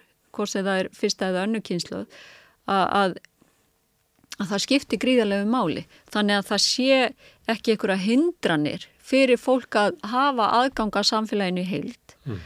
En það þó að, að hérna, líti ekki á það einhverja, sem einhverja ógna fólk haldi í sín enginni, sín uppruna og haldi í samskipti og myndi einhverja hópa í kringum fólk sem hafi mm. sama uppruna. En okkur hérna, sem að fyrir eru okkur hefur verið kent að óta svona tiltegna hópa mm -hmm. það, er, það er bara búið innprenta í fólk bara e, það sé næstu í ógn að sjá marga músliska karlmenn byggja saman í takt það mm -hmm. er, þegar, það er syngt í bíó og þá er bara eitthvað ílt framöndan, bænakallið er ílt það er svona mannst ekki þegar það átt að byggja mosku það var mm -hmm. erfitt að fá húsnaði fyrir hana já, já. ég held að það sami ekki við um réttrúnaðkirkjuna sem að Nei, mitt. Sem að í mörgu tilfellum í Östur-Örbu sko, stendur fyrir eh, homofóbíu og, og eh, hérna, andfeminisma sko, ekkert síður en það er í, í mörgum móskum og þannig mm. ég kannast ekki við neitt að hafa verið eitt, það hafi verið aðalega verið vandamálið hún er eitthvað einn skrítin í lægin eða á há og myndir skikja útsinnið eitthvað sko. þannig að það eru svona mísmöndi hvernig samfélagið okkar já, já. Uh, fjóri svartir karlar að lappa saman. Var, voru ekki fólk í hérna Keflavík sem lítið þessum ókn í bæjaninu Jú, jú, já. Já, að við erum einmitt. alveg ótrúlega prógramuruð Já, við erum það. Við erum með hérna alls konar ástæði fyrir því.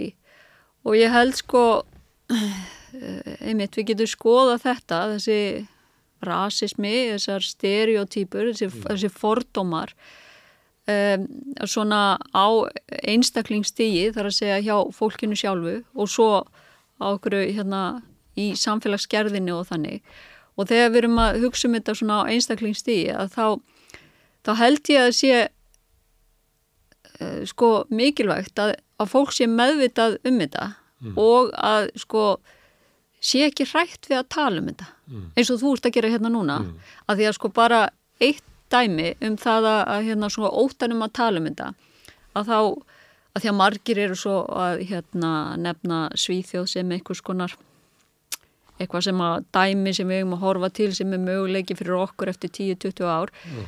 sem má vera en, en sko eins og við horfum tilbaka til svíþjóðar svona 10-20 ár Og það sem mér finnst þegar ég er að skoða svona fræðilega umfjöllun og er að skoða hvernig hérna rannsegendur og, og bara svona í stefnumótun, hvernig hefur rætt um inflytjendur þá, mm. að þá hefur það verið svona enginandi að annarkort er bara hópur sem er rosalega fordamafullur og hérna hefur verið skilgrendur sem öfgahægri mm. eða rasísku hópurinn sem hérna er einhvern veginn með einhverjar upprópanir eða þá hinhópurinn sé bara neytar að tala um að þetta sé möguleiki, mm. að það sé hérna, vandamál til staðar og að það sé tilöfni til að rannsaka mm. og það, það má ekki verða þannig og þess vegna held ég að sé bara gott fyrir okkur að, að hérna, tala um þetta Já.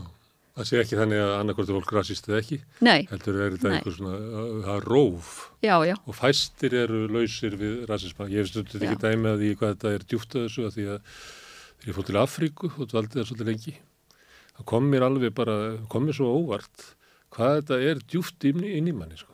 Hvað mm. leið langur tími þá til maður gæti setið innan um, sko, eh, svarta menn í hópum og verið bara eins og heimaðsverð Já, það tók mann bara vikur að reynsi þetta bara út úr sísteminu allan þann skýt sem hafi verið sko heldin í þetta sálatettur sem maður auðvitað með. Þannig, þannig mér finnst að hérna, ég er alveg saman með þetta fólk að ég horfa rasismann í sko sjálfum sér. Annars sem ég dætti úr það sem þú veist að segja þetta með hvort fólk tengist hvort að innflýtjandin tengist út fyrir hópinsinn það sé svo mikilvægt fyrir hann. Mm -hmm.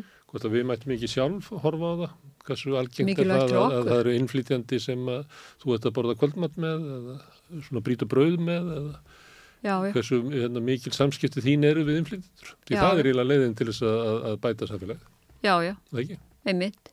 Og ef við erum eigingjöld og viljum bara hugsa um hvað hérna hagnast mér þá hagnast það okkur að tengjast uh, innflytjandum á Íslandi af því að það er gott fyrir samfélagi heilt algjörlega.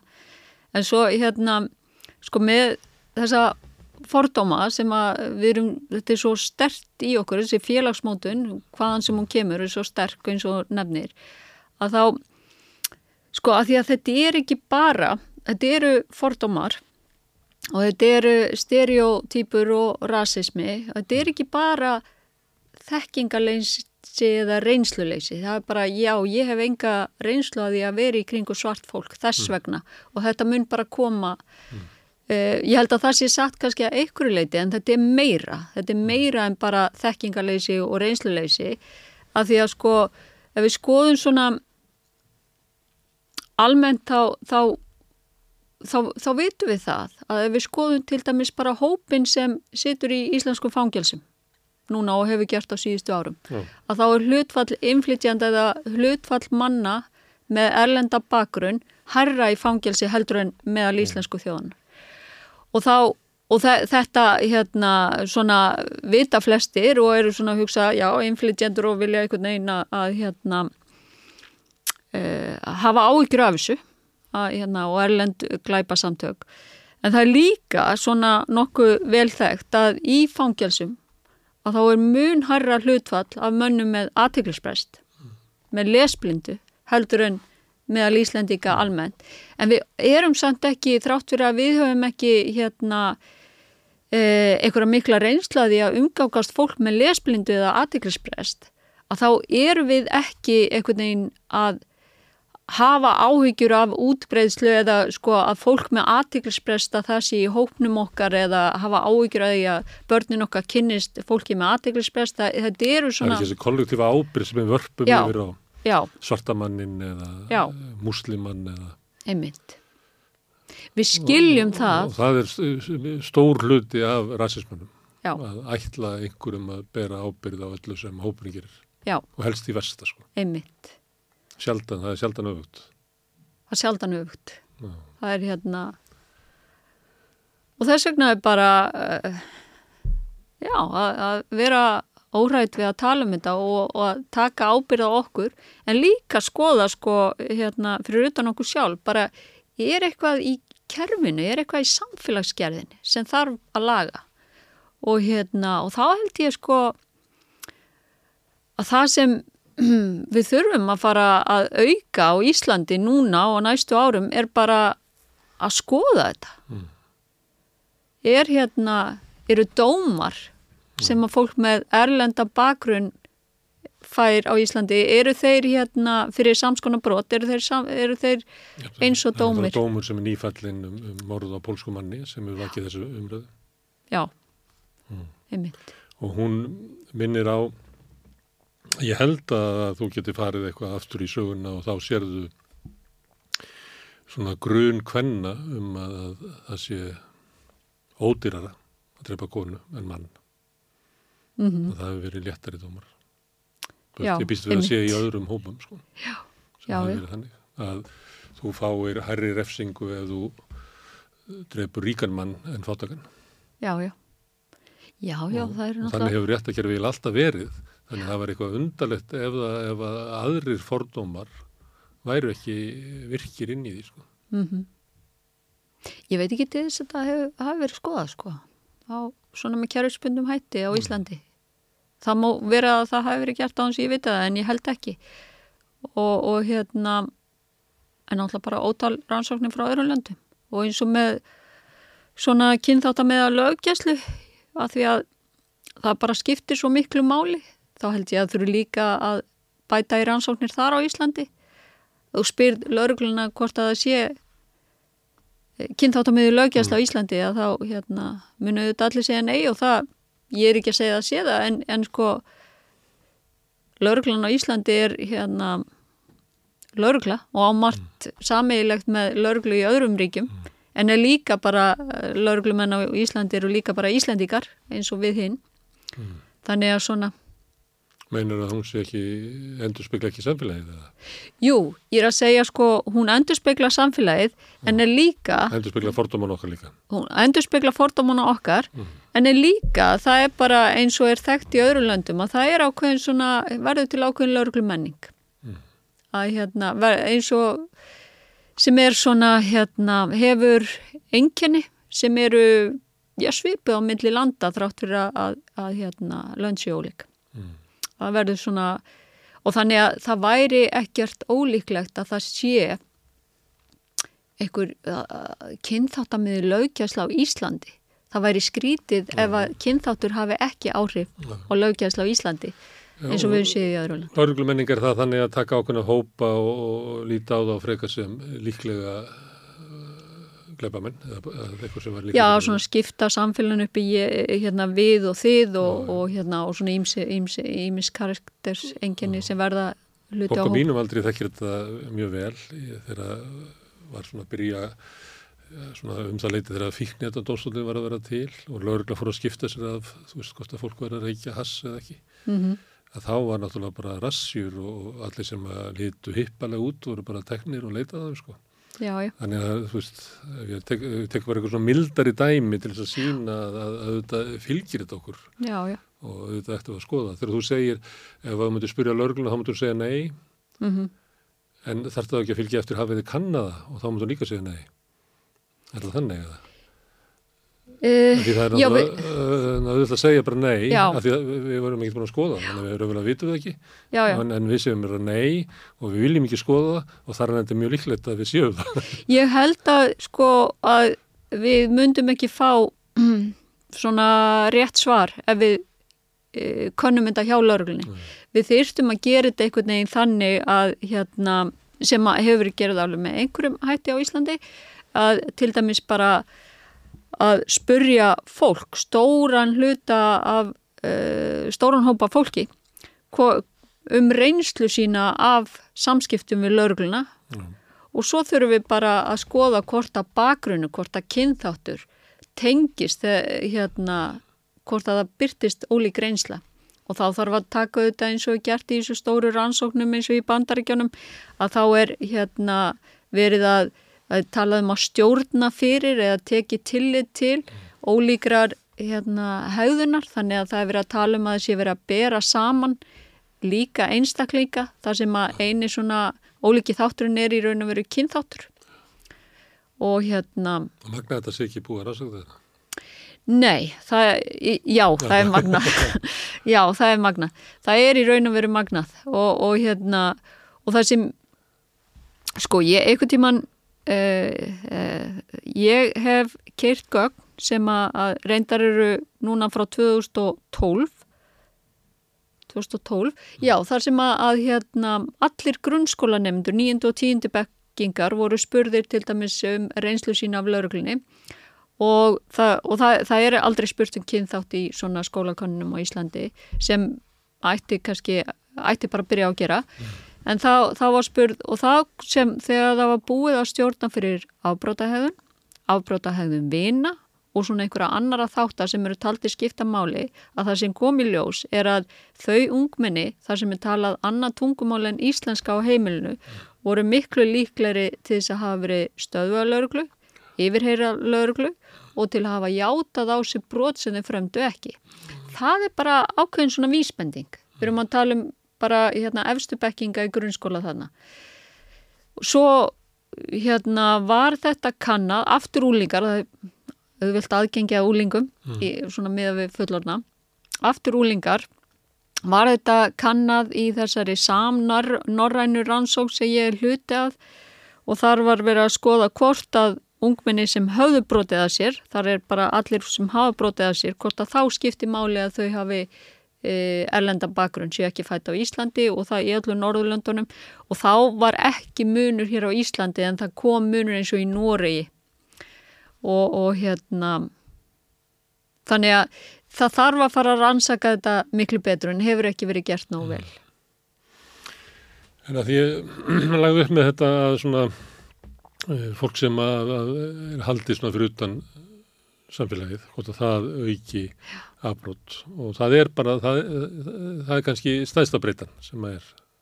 Já, svona einhvers konar jáðasetning og, og hérna, upplifun á mismunum, já. En er það ekki þá þannig að, að nú er alltaf verið að tala um afbrótavarnir, Mm er ekki afbrótavarnirnar þá bestu að opna samfélagið fyrir lesblöndu fólki, fólki með ADHD, lituðu fólki, einlítjendur.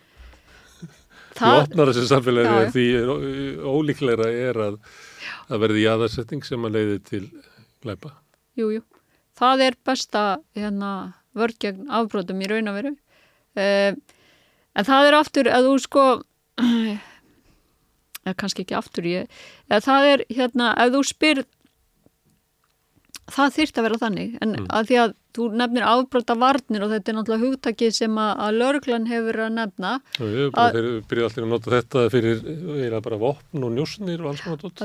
þetta hljóma náttúrulega hérna, hver getur verið á móti afbrotavörnum uh, en sko þegar að, að hérna, þú spyrð einhvern í lauruglunni að þá færðu þetta hver lausnin er, þá færðu þetta lögjæslu svar Mm. og þú spyrð einhvern eins og mig að sem hefur, sko er afbrotafræðingur en hefur svona félagsfræðilegan bakgrunn að þá færðu Já, ég reyndar er afbrótafræðið þverfagleg þannig að ég til mig sjá þetta svolítið vítt, víðara en hérna kannski margir aðri. En þá færðu svona eitthvað samfélagslegt, hérna, einhverja laust sem fælst í breytingu á upp, e, svona í raun að veru á samfélagsgerðinni. Er að segja að hérna og svona mm, jável á, á skólakerfinu á, hérna, á einhverju stefnubreitingum í pólitík og þú veist að, að hérna en þetta að bara að samfélagið sé já hvað er gott íslenskt hugtak? Sé opið, Já, sé, opið, hérna, að, að það sé svona sem allir hafi jafnan aðgang, jöfn tækifæri. Sem er opin faðm og opin hug og opin hjarta. já, jú, jú, það við er bara það tala á sem við svona þurfum að mannlegum hérna, grunni um samfélagið okkar. Við viljum að samfélagið okkar endur spekli sko, mannlega kosti. já, En þetta sem þú ert að tala, hérna, við ættum að vera að tala um þetta, við erum ekki að því. Við erum frekar að tala um hérna, voppvæðingu eða svona löggæslu svar og sem að minnir okkur svolítið bara á, í heimsmálunum að þá erum við frekar að tala eins og hersöðingar, frekar heldur en að vera að tala fyrir sko fríði eða einhverju slíku lausnum, þannig að, að þetta svona harða vald er bara meira áberandi núna heldur en oft við verið. já, einmitt. Og líka kannski í löggjastlunni því að uh, maður heyrið það meðal, meðal lörglumanna því þú sagðir að, að það er mismöndi hvað maður heyri þar. Stundum heyri maður um að spyrða á þá segir þeir að það þarf eiginlega bara fjölga lörglumönnum og það fyrir að vera sínilegri og svona þú veist að fara að vera meira bobbís eins og hérna er sagt í, í Breitlandi eins og það sé viljið þeirra því að það, út af því fóru þeir í þetta starf þeir fóru ekki í þetta starf til þess að vera með alvæpni í einhverjum svartum bílum brunandi í einhverjum aðgerðum sko, þeir fóru í því að vera hlutar samfélaginu. já Kannski er ég að tala við eldri að Já, kannski, það náttúrulega hafa orðið, orðið smá breytingar á lauruglunni, hún er orðin eh, miklu svona meiri sérfræðinga sérfræðinga, lauruglans er sérfræðingar er orðin stærri hópur, svona tækni e, vætari en Já. hún var, sko. Herfóringjar, sérfræðingar í tilteknum aðgerðum, ofbeldisaggerðum. Já, ég held að margir horfið þanga sko af þessum ungu lauruglumönnum sko og líka, Mm. já, já.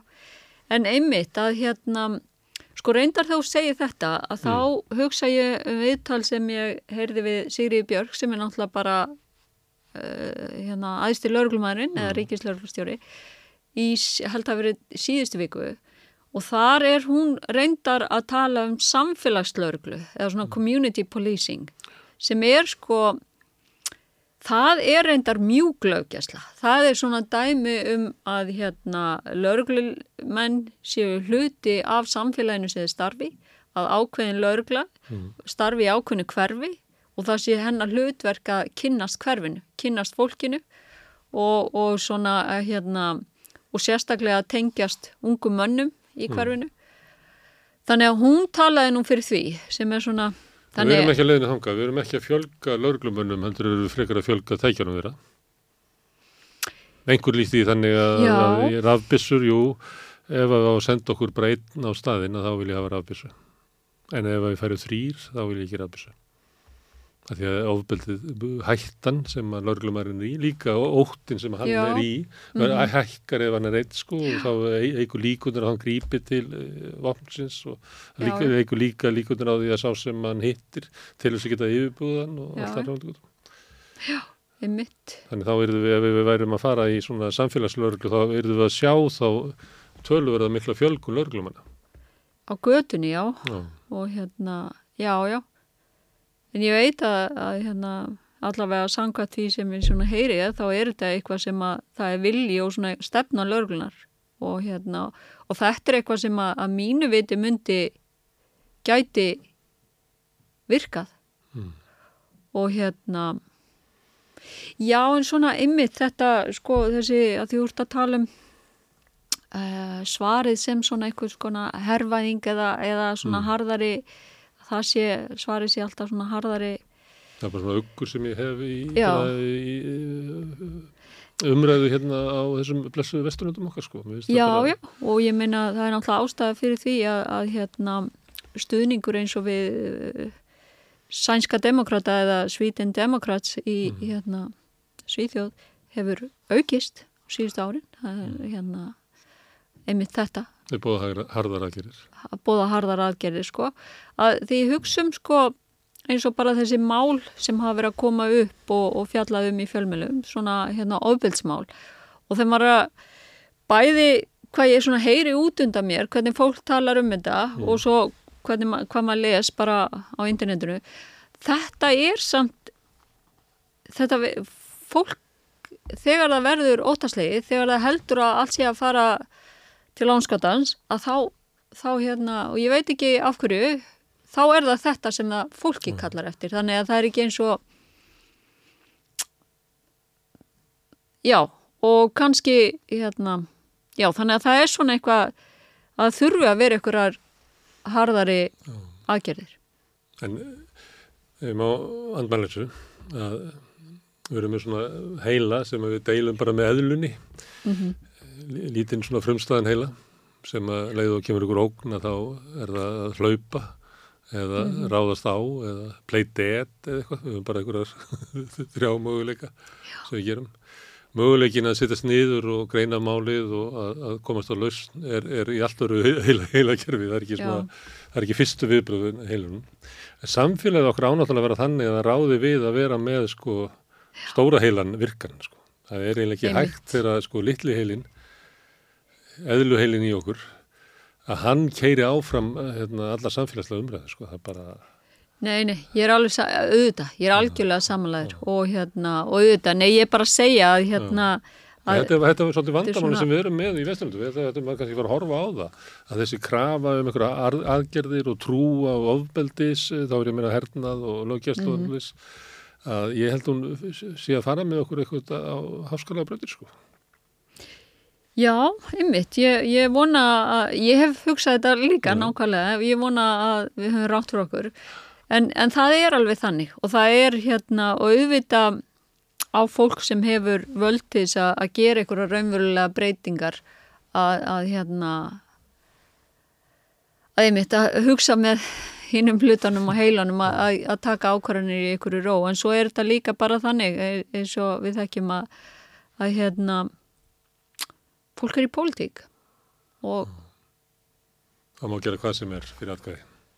Því miður. Það Já. eða þú veist það það á ekki að vera þannig, en Það á því vera erum við í, í samfélögum og ekki bara í Íslandi heldur út um allan heim. Það sem að virðist vera þannig að, að það má eiginlega gera hvað sem er fyrir atkvæði. Herðu, bara eitt í lókin, að því að við erum að tala um svona rasisma. Skiptir það máli að, að lauruglan endur spekli fólk eins og samfélagið er, ekki eins og það var kannski fyrir 20 árum. Og ég ætti lauruglan kannski að endur spekla samsetninguna eins og er inn á lillarunni. Það sé bara óunni hátt hlutfall innflytjenda, óunni hátt hlutfall að ég hátti manna. já, einmitt, hérna það, það hérna, það virðist vera mjög raugrétt að, að það þyrfti allavega að endur spekla sko, hérna, la- landsmenn betur en hún gerir Já. núna og hérna, og landsmenn eru Og miklu langt frá því. já, langt frá því, miklu fjölbreyttari hópur heldur en lauruglan og hérna, það er ekki bara að fara lengra og þetta ætti verið að vera líkari að hérna, Ég, ég hef bara aldrei hugsað þetta, það er engin spurt með þessi áður. en hérna, ég, ég veit það ekki, ég veit það ekki, ég þurfti aðeins að hugsa þetta. En, en að minnstakosti svona, hérna, maður ímynda sér að, að fjölbreytileiki innan lauruglunar sé hérna, mikilvægur svo hún geti sett sér í spór alls konar fólks sem hún er á þjónusta og, og hérna og það, Og vinnur gegn svona þess að þú kallar löggu menninga þegar ekki, að það, hún verður verri eftir því sem að hópurinn er einsleitari. Írarnir í New York, þetta verður anstíkilega lögga. já, er, það, er það ekki þannig? já, að Það er verra því einsleitari sem löggan er, því verri er þessi kultúr. Ég, ég ímynda mér það, sérstaklega hérna, jú, það, þú veist, ég, þú nú er ég að hugsa um líka bara kynjasamsetningu sem hefur verið skoða meira í þessu tilfelli, sko, og, og hérna, að þá hefur svona, það hefur haft áhrif til dæmis bara að því að nú hefur konur alltaf verið svo lítill hluti á lauruglumannum, alls þar í heiminum, en það er svona, hefur að breytast. Og það sem gerðist náttúrulega hérna á Íslandi þegar að lauruglunámi var fært upp á háskólastig 2016 er að, hlutfall kvenna stórjókst meðal hérna lauruglunema og, og síðan sem fóru í laurugluna en það eh, hins vegar hafði áhrif á sko hérna hlutfall nefnda með erlenda bakgrunn og það er verkefni sem þarf að leysa. Hvernig verður lauruglan meira aðlegandi fyrir ungd fólk með erlenda bakgrunn á Íslandi? Þannig að þau sæki þetta ná þannig að þau vilji verða hérna, vera starfa í lauruglunni Mm. ég held að það sé mikilvægt. Mm. Því ólíka, ef hann er að færast frá því að verða ólíkari þeim, að þá er það hérna, vestarstaðan bara. já, já, ég held það. Mm. Ég held að lauruglan þarf að vera fjölbreyttur hópur Herru, Margrét, takk fyrir að koma hingað og ræða um rasisma og undirheipina og réttikjæslugjörðið. Takk. Þetta. Takk. Takk Og við höldum hér áfram við rauðaborðið, erum að reyna að skilja samfélagið sem við löfum í. Næsti kapli eftir augnablik. Húsnæðiskostnaður tekur meira en helming af ráðstöðuna tekjum verkafólks í eblingu. Hvernig er þetta réttlæta það? Ebling stjættafélag. Samstöðin er í eigu hlustenda, áhorfenda og lesenda.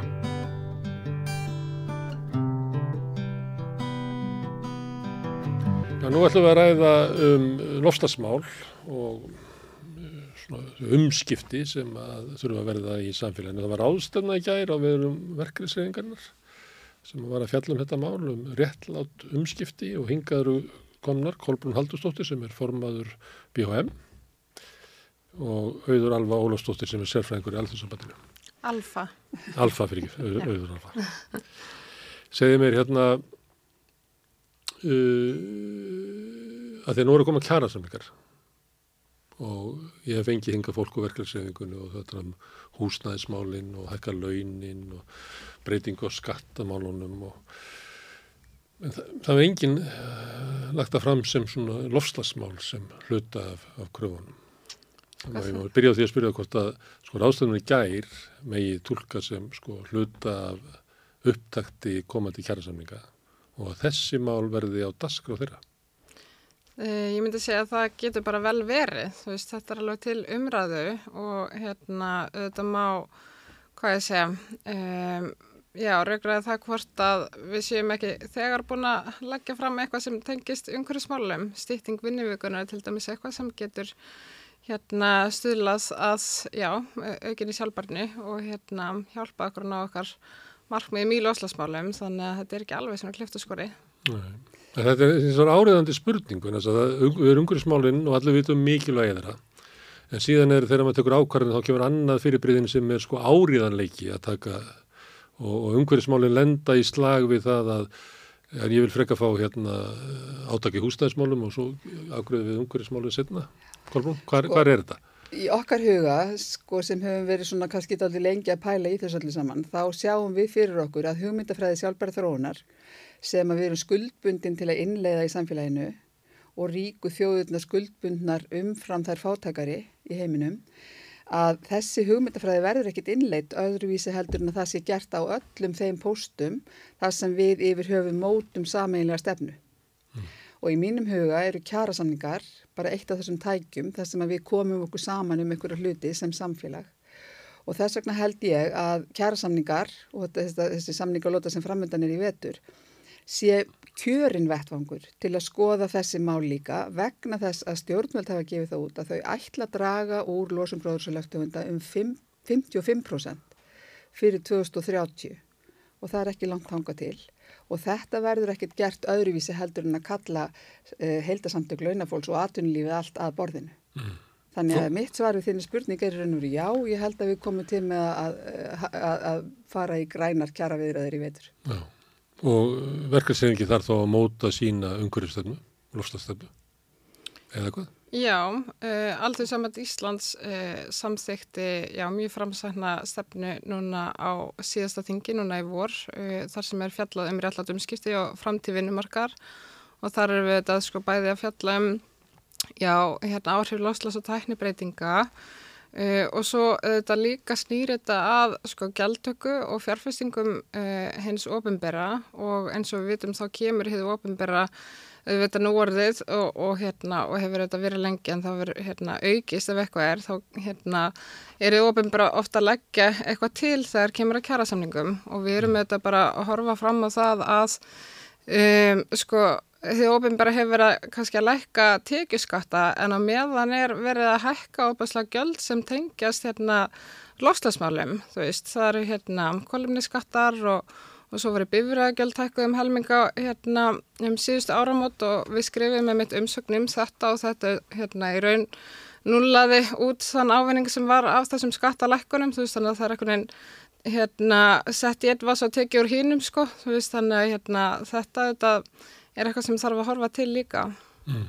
Og þá er það kannski sem að var líklega þráðurinn í, í rástöðunni sem að þið voru með um það að, að, að það er breytingar sem að þarf að gera, að það verður réttláttar að það er byrðunum sé eðlilega skipt á milli þeirra sem að, að kannski annars vegar valda mest að skadanum eða hafa mest breyðstu böki til að bera það, en Já. það sé ekki hinnir uh, fátakari sem að séu látni bera nýju gjöld Já, við erum náttúrulega að sjá það að sko um, Íslensk heimili bera ábyrð á einungis 10% útlösunar gróðrúsalóftegunda frá íslensku hakkerfi en atvinnuver, eða þess að restin er já frá atvinnulífinu en á sama tíma er, er almenningur að greiða 60% umhverfiskatta um, þannig að og það er svolítið þannig að maður Já, hefur svolítið séð það sko aðrunlífið, þú veist, það kallar eftir sko fjármagni, þú veist, ég menna við þurfum fjármagn til þess að fara í eitthvað aðgerðir en uh, þú veist, virðist ekki vera eins viljugt til að borga sko en almenningur þess að er hérna, já, eða þú veist, hann raun og verið ekki að segja um það hvort hann borgar ekki, þú veist, það bara hérna skattahekkanir fram og tilbaka sko almenning. Þannig að hérna uh, þessar aðgerir ríkisjórnarinnar eða stjórnvalda síðastliðin ár uh, myndi ég segja séu ekki í andar réttlátra umskipta sem er samt sem áður hérna eitthvað sem að um, já ríkisjórnin leggur áherslu á í ríkisjórnar sáttmálunum þannig að þarna þurfum við að gera miklu betur. Við sáum daginn þegar var veitt styrkir úr orkusjóði að, að vinslustöðin í eigum fekk hæstastyrkin, Samherji var með tvö og svo var það lagsafyrirtækið á, á vesturum sem með þrýði hæstastyrkin. Já, þetta er svolítið svona sko, hérna þess að við segjum ekki að hérna gullrótunum þeim er beintað hérna átunum og fyrirtækjum en prikið er notað á almenning sko, þú veist þannig að Eh, fyrirtækinn frá, frá kvatana en hérna almenningur bara latana. Og ef við tölum um þessa kvata og lata nú erum við hérna með þessa kólumniskatta uh, sem að sko já, verkefliðsfjörðingi setur sér ekkit endilega upp á móti. Uh, en þú veist, það skiptir máli hvað annað að vera að gera á meðan. Ég meina, kólumniskattar í hérna, sjálfu sér eiga vera til þess fallnir að hafa áhrif á hægðun fólks uh, og hveti fólk til þess að nota þá aðra samgöngum á það. En við erum hér á landi bara hérna með annan raun, raunhagan valkost við uh, engabílinn, eða í mjög mörgum tilfellum. Þetta er hérna lítill hópur fólk sem að að hérna getur nýtt sér almenningssangungur 100% og, og hérna því miður neyðast margar fjölskyldur til þess að vera um, já, bara jafnvel á tveimur bílum og þetta, þetta bara hefur mjög mikil áhrif á kjör en við vitum að sangungur eru annars stærsti útgjaldalegur heimæluna mm. þannig að þú veist sko kjara bótin sem fælist í ef við gætum uh, verið ef að fjölskyldur í útkværing getur verið bara með einn bíl þú veist, uh, það eru svo óbærslega mikil útgjald sem fylgja þess að vera bíl Um, og við þurfum þetta bara að horfa til nákvæmlega þjóðana með þetta að hluti af því að kjör og hérna, já, að kjör eru betra á hínum Norrlöndurum er um þetta að, aðgengið almenningssangungum er uh, minn betra. Og þá er ég að tala um í stórborgum þetta er ekki algilt og kannski annað í dreifbíli mm. uh, en þar hafa Norðurlöndin til dæmis komið með sko hérna styrki og þú veist uh, svona mótvæðis aðgerðir fyrir fólk sem að býra í dreifbíli og er að lenda hérna ídlaðiði vegna þessar orkuskipta mm. eða aðgerða vegna þeirra. Mm. Kolbrún, þú ert ekki bara fyrirvændi þing, maður heldur fyrirvændi umhverfisróðura. Er þetta ekki eitthvað sem stjórnmálin eiga að passa upp á að, að það sé ekki þannig að, að, að fyrirtækinn fá alla gullurætunar en, en, en launafólkið svipu aukinn? Jú, jú, algjörlega en sko ekki engöngu því þetta er sameigilegt verkefni okkar allra. Og uh, af því að við erum að tala um svona, eða kveikjana þessu samtali hér er þessi, þetta málting sem við vorum ekki aðeir að þá erum við í verkefælsreifingunni einhugaðum það að berjast fyrir ákveðinu skilningi stjórnvalda fyrst og fremst en jáfnframt bara almennings á þessu hugtæki uh, réttlátt umskipti og þetta hugtak á sér gamla sögu í verkefælsreifingunni því að í, ég held að ég sé svona, sko, fara mér þetta á sér upphálega sagt uh, þá er það farið að tala um þetta í bandaríkunum af verkefælsfélögum sem að voru að berjast fyrir því að allar þeir breytingar sem væru gerðar á atvinnumarkaði að þær eru aldrei gerðar öðruvísi heldur í samtali við verkefælsreifinguna og þær þyrta að vera réttlátar. Mm. Síðan er þetta hugtak tekið upp í Brundtlandskísluna 1987 kemur hún út og þá er talað um þetta að þetta sé hluti af þeim umbreytingu sem þurfa að eiga sér stað í, sem, sem hluti af umhverfismálunum. Og af því að hugmyndafræði sjálfbæra þróuna snertir ekki bara umhverfismál, heldur snertir hún öll samfélagsmál og hún snertir, snertir efnahagsmál.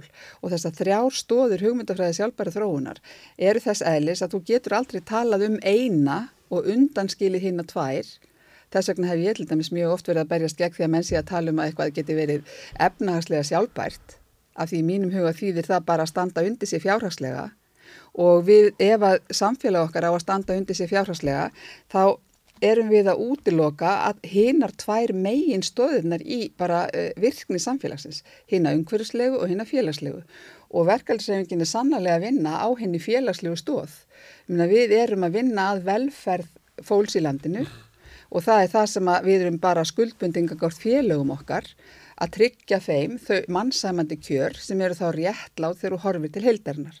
Og það er mjög mikilvægt fyrir okkur að fólk átti sig á þessum skilningi hugtagsins réttlátt umskipti að þau eiga við um alla hópa í samfélaginu, allan vinnumarkaðinn, öll stjórnveld, hvort sem er á vettvangi sveitafélaga eða ríkis og við verðum bara að ná einhvern veginn sameigilegri lendingum það að þegar að störf breytast af því að umhverfismálin eru eins og þau eru, loslasmálin eh, ger það að verkum að sum störf verða lögð nýður, eh, önnur eh, ný störf verða til, þá er það sameigilegt verkefni okkar allra að tryggja það að þeir sem missi störf fái önnu störf, séu frættir um eða við, við, séum sameigilega stund að þá fræðslu sem þarf til þess að við getum farið með samfélagið inn á nýjarbröytir, inn á þróun sem leiðir okkur samfélagið allt í átt að sjálfbæri þróun. Mm. En eins og auður alfa stiltis upp að þá hefur stefna stjórnvalda svona hallast á, á það og það er áviðum um, í þessi mál og svo mörg önnur húsnæðismál og svona að það er alltaf verða svona ríkari vilji hjá verkefnisreifingunni eins og hún ætli að þraungva stjórnvöldum til þess að stýra landin út frá almanhagsmunum en ekki það að, að púka svona mikið undir fyrirtækin og þetta er bara Ég bara veltaði fyrir mér svona þegar við erum með þennan uh, eh, líðræðisvettvang sem er í alþengi og svo erum við með líðræðisvettvang sem eru verkefnisfélagin. Hvort að, að ákverju þingið og ríkistjónirna hafa svona driftað í burtu frá hérna svona reka kerfin út frá svona almanna hag. Í mínum huga þá eru eitt sem mér finnst mjög mikilvægt að mér finnst stjórnvöld hafa uh, komið sér undan því að horfa á samfélagsmálinn út frá þessari hugmyndafræði sem við erum að tala um hér. Þau uh, láta hagsmunina toga sig um of, mögulega þá hagsmunni atvinnuvegana eða já, frekar heldur en að uh, hagsmunni uh, hérna, almennings eða launþega í landinu. Það komir hagaðilar sem að ég held að maður verið starri hagaðili sem að maður er með meiri peninga undir og þar lendir neytandin eða launamæðurinn er alltaf rosalega lítill hagaðili. Heildasamtök launafólks eru tímalega löst hagaðili. Þú safnar í saman.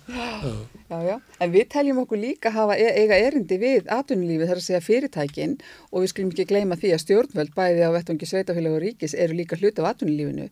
Þau eru einhverju stærstu launagreðendur í þessu landi sjáu þið til. Mm. Þannig að við erum að tala um uh, allt atvinnulífið þegar við erum að tala um að, réttla, að umskiptin í átti sjálfbæra þróuna þurfa að vera réttlátt og stjórnvöld hafa sannarlega bæði hlutverki að gegna sem atvinnureikandur og sem stjórnvöld sem eru búin að skrifa undir alltaf þá alþjóðlegu samninga sem að skuldmynd okkur til þess að draga úr losum gróðursalóftum. Mm. Það hafa verið átök við það í heim, við um heim sem að tengjast þessu raunverulega. Skulvestungar í Freklandi verður til út af þessu. Mm -hmm. Og, og við sáum það, ef við séð á Íslandi þess að þú verður að tala um bílana og svona, að fyrst er styrt fólk til að kaupa bíla og það eru henni betum eigundir sem kaupa bílana sko og, og henni láluna fólki á að gefna á að kaupa þessa nýja bíl og ekki aldrei gefa nýja bíl og þessi aldrei fram á það. Þannig að þau fá gömlu bílana og þá á að hækka sko gjöldin á, á, á útblásturinn. Mm -hmm. Þannig að þetta er sko vandamál sem er víða að það er svona eins og að sé horta á þetta sem þegar, þegar sko verkefnir áarpa svona eins og svona með neystlukvötum að þá náttúrulega hefur það mest áhrif á þá sem hafa mest umleikist. Þeir eru hellinga fólki sem að hérna, hefur ekkert val í sinni nýslu sko. Kæri bara á gamlu Moskvits því að það er ekki þrætarsamgöngur. Það er oft látað eins og þetta sé eitthvað nefn bara, þú veist, eitthvað neyslu vennjur og eitthvað, auðvitað, hérna, er það það, þú veist, að hluta til, um, en hérna, fólk er ekkert að gera það að ganni sín að vera gerandi inn að fram og tilbaka inn á borgarna, ég með lang flestir, hérna, er að fara bara til vinnu og þurfa, hérna, þú veist, vegna þess að nota samgöngur. Uh, þannig að og hérna og þetta sko tekjulagri uh, hópar eru uh, þú veist, það er hlutfalslega herra hérna um, hvað ég segja, af neslu þessara hópa sem er uh, hérna, nesla sko þannig að hérna, en við meðmynd verið að benda þetta eins og nafnum með gulvesunguna þú veist, að hættan á hættan er svo að ef við hérna, reynum ekki að stuðla þessum réttlætu umskiptum að þá að það myndir grafa undan samstöðu almennings um þessar lofslagsækjarir mm. Og hérna já þú veist þannig að það er nöysilegt í því tilliti.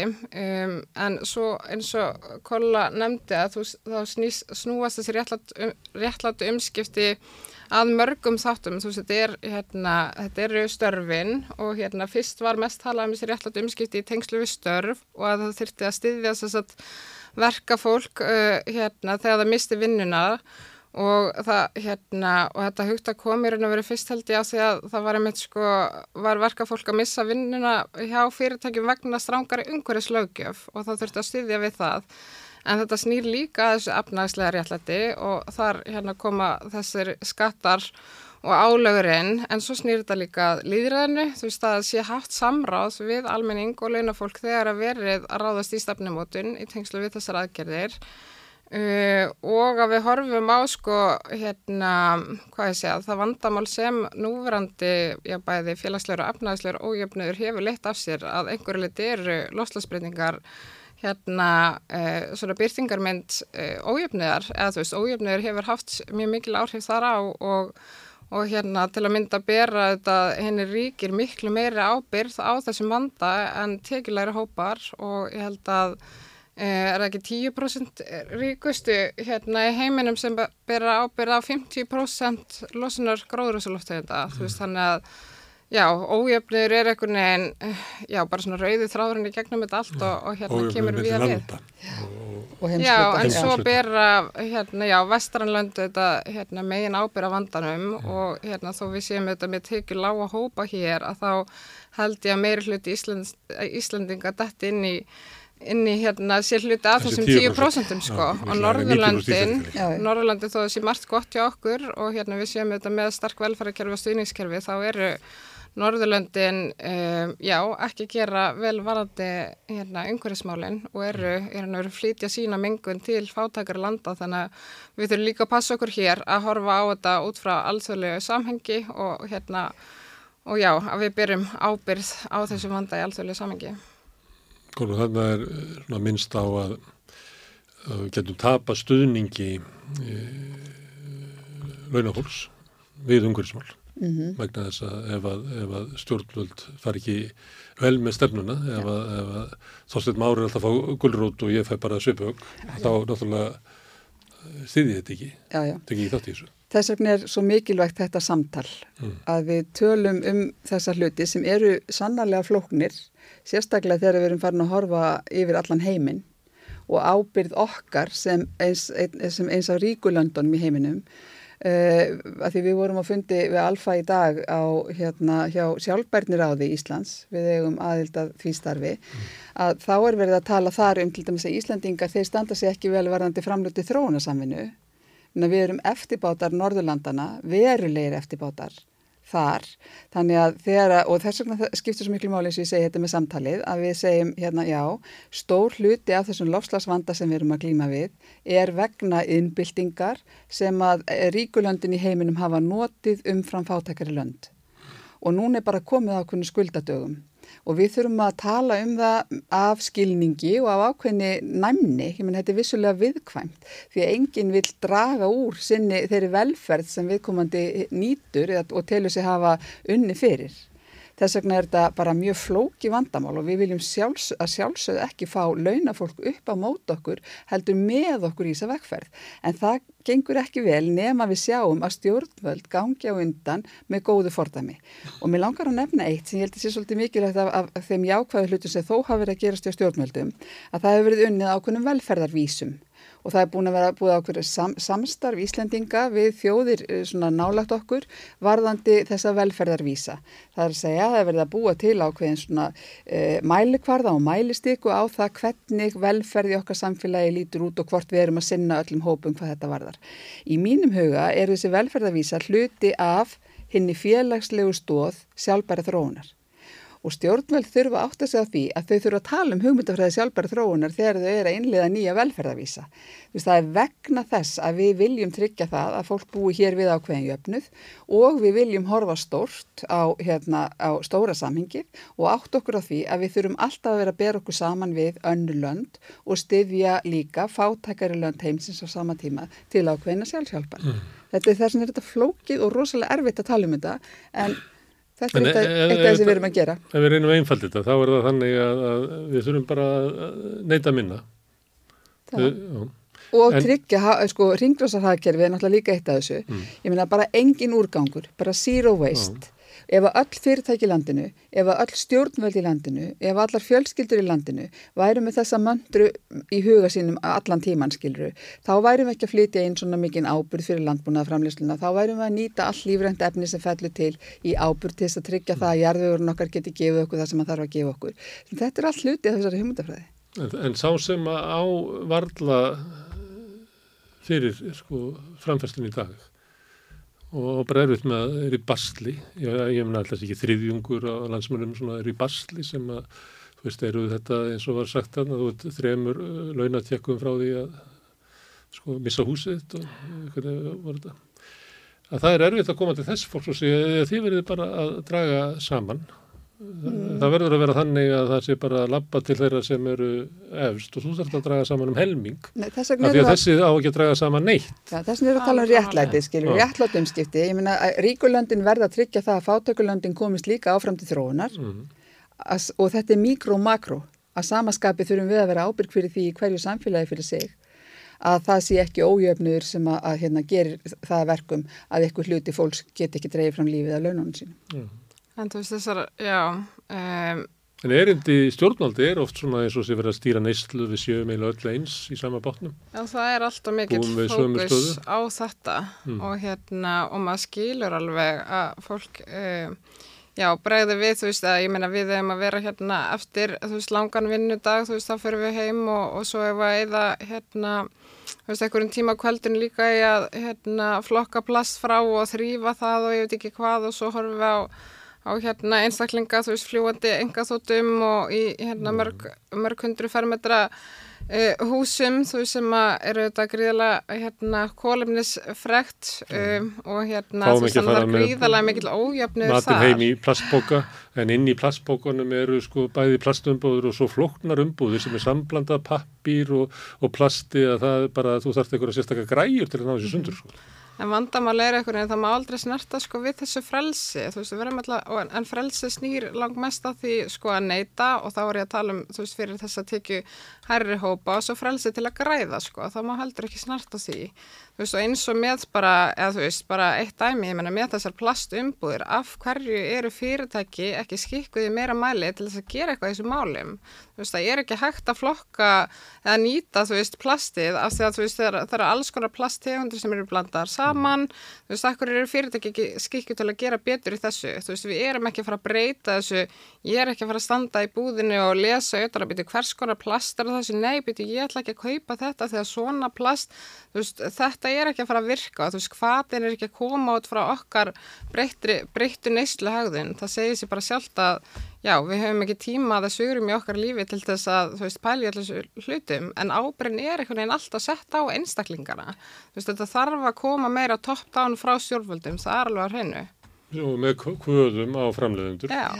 Og Þess vegna teljum við að samtalið til dæmis við kjaraborði geti komið okkur eitthvað áfram í þessum efnum. Ég menna þegar við förum sem reyfingar launafólks að ræða við atvinnureikandurna, þá erum við líka að tala um framleið, við framleiðendur í vöru og þá getum við líka sagt, ég menna fólkið okkar, þar að segja launafólk, á rétt á því að vinna í heilnæmi umhverfi, við erum orðin alveg sammálum það, þá eigum við líka að tryggja það að, að það eigi að vera að vinna að heilbreyðum uh, og jákvæðum framleiðslu háttum í viðkomandi fyrirtæki. Og það eigi að eigi ákveði tilkall til að eiga samtal við atvinnureikendan um það með hvað hætti sig að draga úr mengun eða hjá viðkomandi atvinnurekstri eða tryggja það að það sé ekki notu óheilna mefni til dæmis eins og plast. Við erum líka búin að skuldmynda okkur til að reyna að draga úr notkum plasts. Þannig eins og ég segi að því að kjærasamningar eru þess aðlis að þeir eru svona snertiflötur sem við eigum, launafólk og atvinnureikendur með reglulegu millibili mm. og við þurfum að komast að samkominlegi og við getum svo auðveldlega á þessum tímum vikað aðeins út sjóndöldarhingin og náð árangri í nákvæmlega þessum atriðin sem við erum að tala um hér þó að það sé við kjærasamninsborð.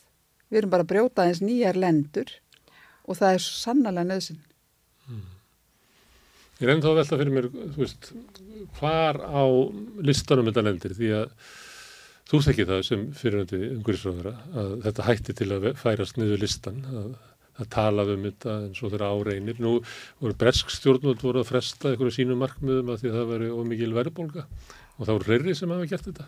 Nú er hérna alls konar áföll sem að ganga yfir Ísland og, og tilningin er oft svona til þess að íta þessu. Því að velta þessu fyrir mig, e, þú veist, að því alltaf þegar við tökum á, ákvarðanir þá er annars vera mikilvægi og svo er það áriðanleiki. Það er margir sem reyktu sko heilan áratugi viðbót þau vissi alveg mikilvægi þess að þetta reykja. Það er bara hvaða máli skiptur það hvort ég hætti í dag eða morgun sko. Þannig að, sko, við, að þá er það svona, um svona erindi til kannski fólks sem lítur svo á að e, svona fólk sem er í basli og horfið fram á það að, að ég horfið fram á að næstu kjærasamlingar snúist um það um réttlæti fyrir mig. Ég vil fá hærri laun, ég, ég verði að komast inn í eitthvað svona húsnæðisöryggi til þess að bara hafa frið með mína fjölskyld og óttast ekki að þurfa að flytja á næst líkt. Ég er, ég, er ekki, veist, ég er ekki að skammi, ég er bara að velta fyrir mig sko, hvernig er hægt að setja þessi mál á ottin og það eru, það eru fólk út á allan heim að velta þessu fyrir sér. Já, nú ætlum ég bara að lefa mér að segja því ég kemur skap, skapandi greinum Já.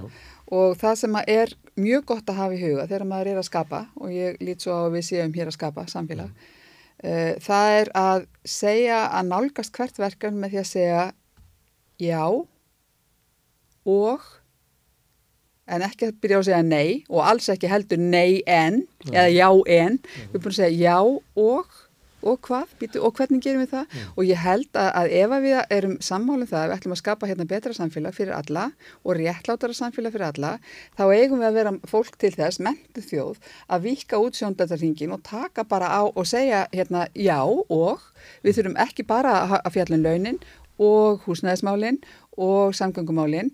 Við þurfum líka að fjalla um umhverfismálinn og áhrifin sem við erum að hafa á umhverfið, losunina og við skulum bara gera þetta. Mm. Ekki bætt við þetta jafnbrytti já, en, tíma, en þetta er náttúrulega mjög hérna, svo ég sletti nú urgent mál, ég meina um, eins og frá sem segir hérna það er engin störf á döðri jörð sko, þú veist, að ég menna öll þessi velferð og allt þetta, þetta byggir auðvitað á því að hérna við tryggjum sjálfbarni Uh, og svo þetta skiptir þetta líka bara máli hérna í dag, ég meina eins og ég segi þú veist það er nú þegar verið að hækka álögur á almenning og, og hérna flatt sem er að koma vest nýra þessu tekilagstu hópum þannig að þú veist það að uh, við leggjum réttlat, áherslu á þessi réttlatu umskipti í kjálsanöki skiptir gríðalegu máli og líka fyrir kjör fólks mm. Uh, en veist, það sem að verkalýsreifingin ætlar að hérna, vinna því að tryggja er einmitt að þessi lálægnuhópar sem ber ekki veist, þessa megin ábyrra vandarum að þeir þurfi ekki að hérna, hvað ég segja já, að þeir ekki að bera þessar þingstu byrðar já, já.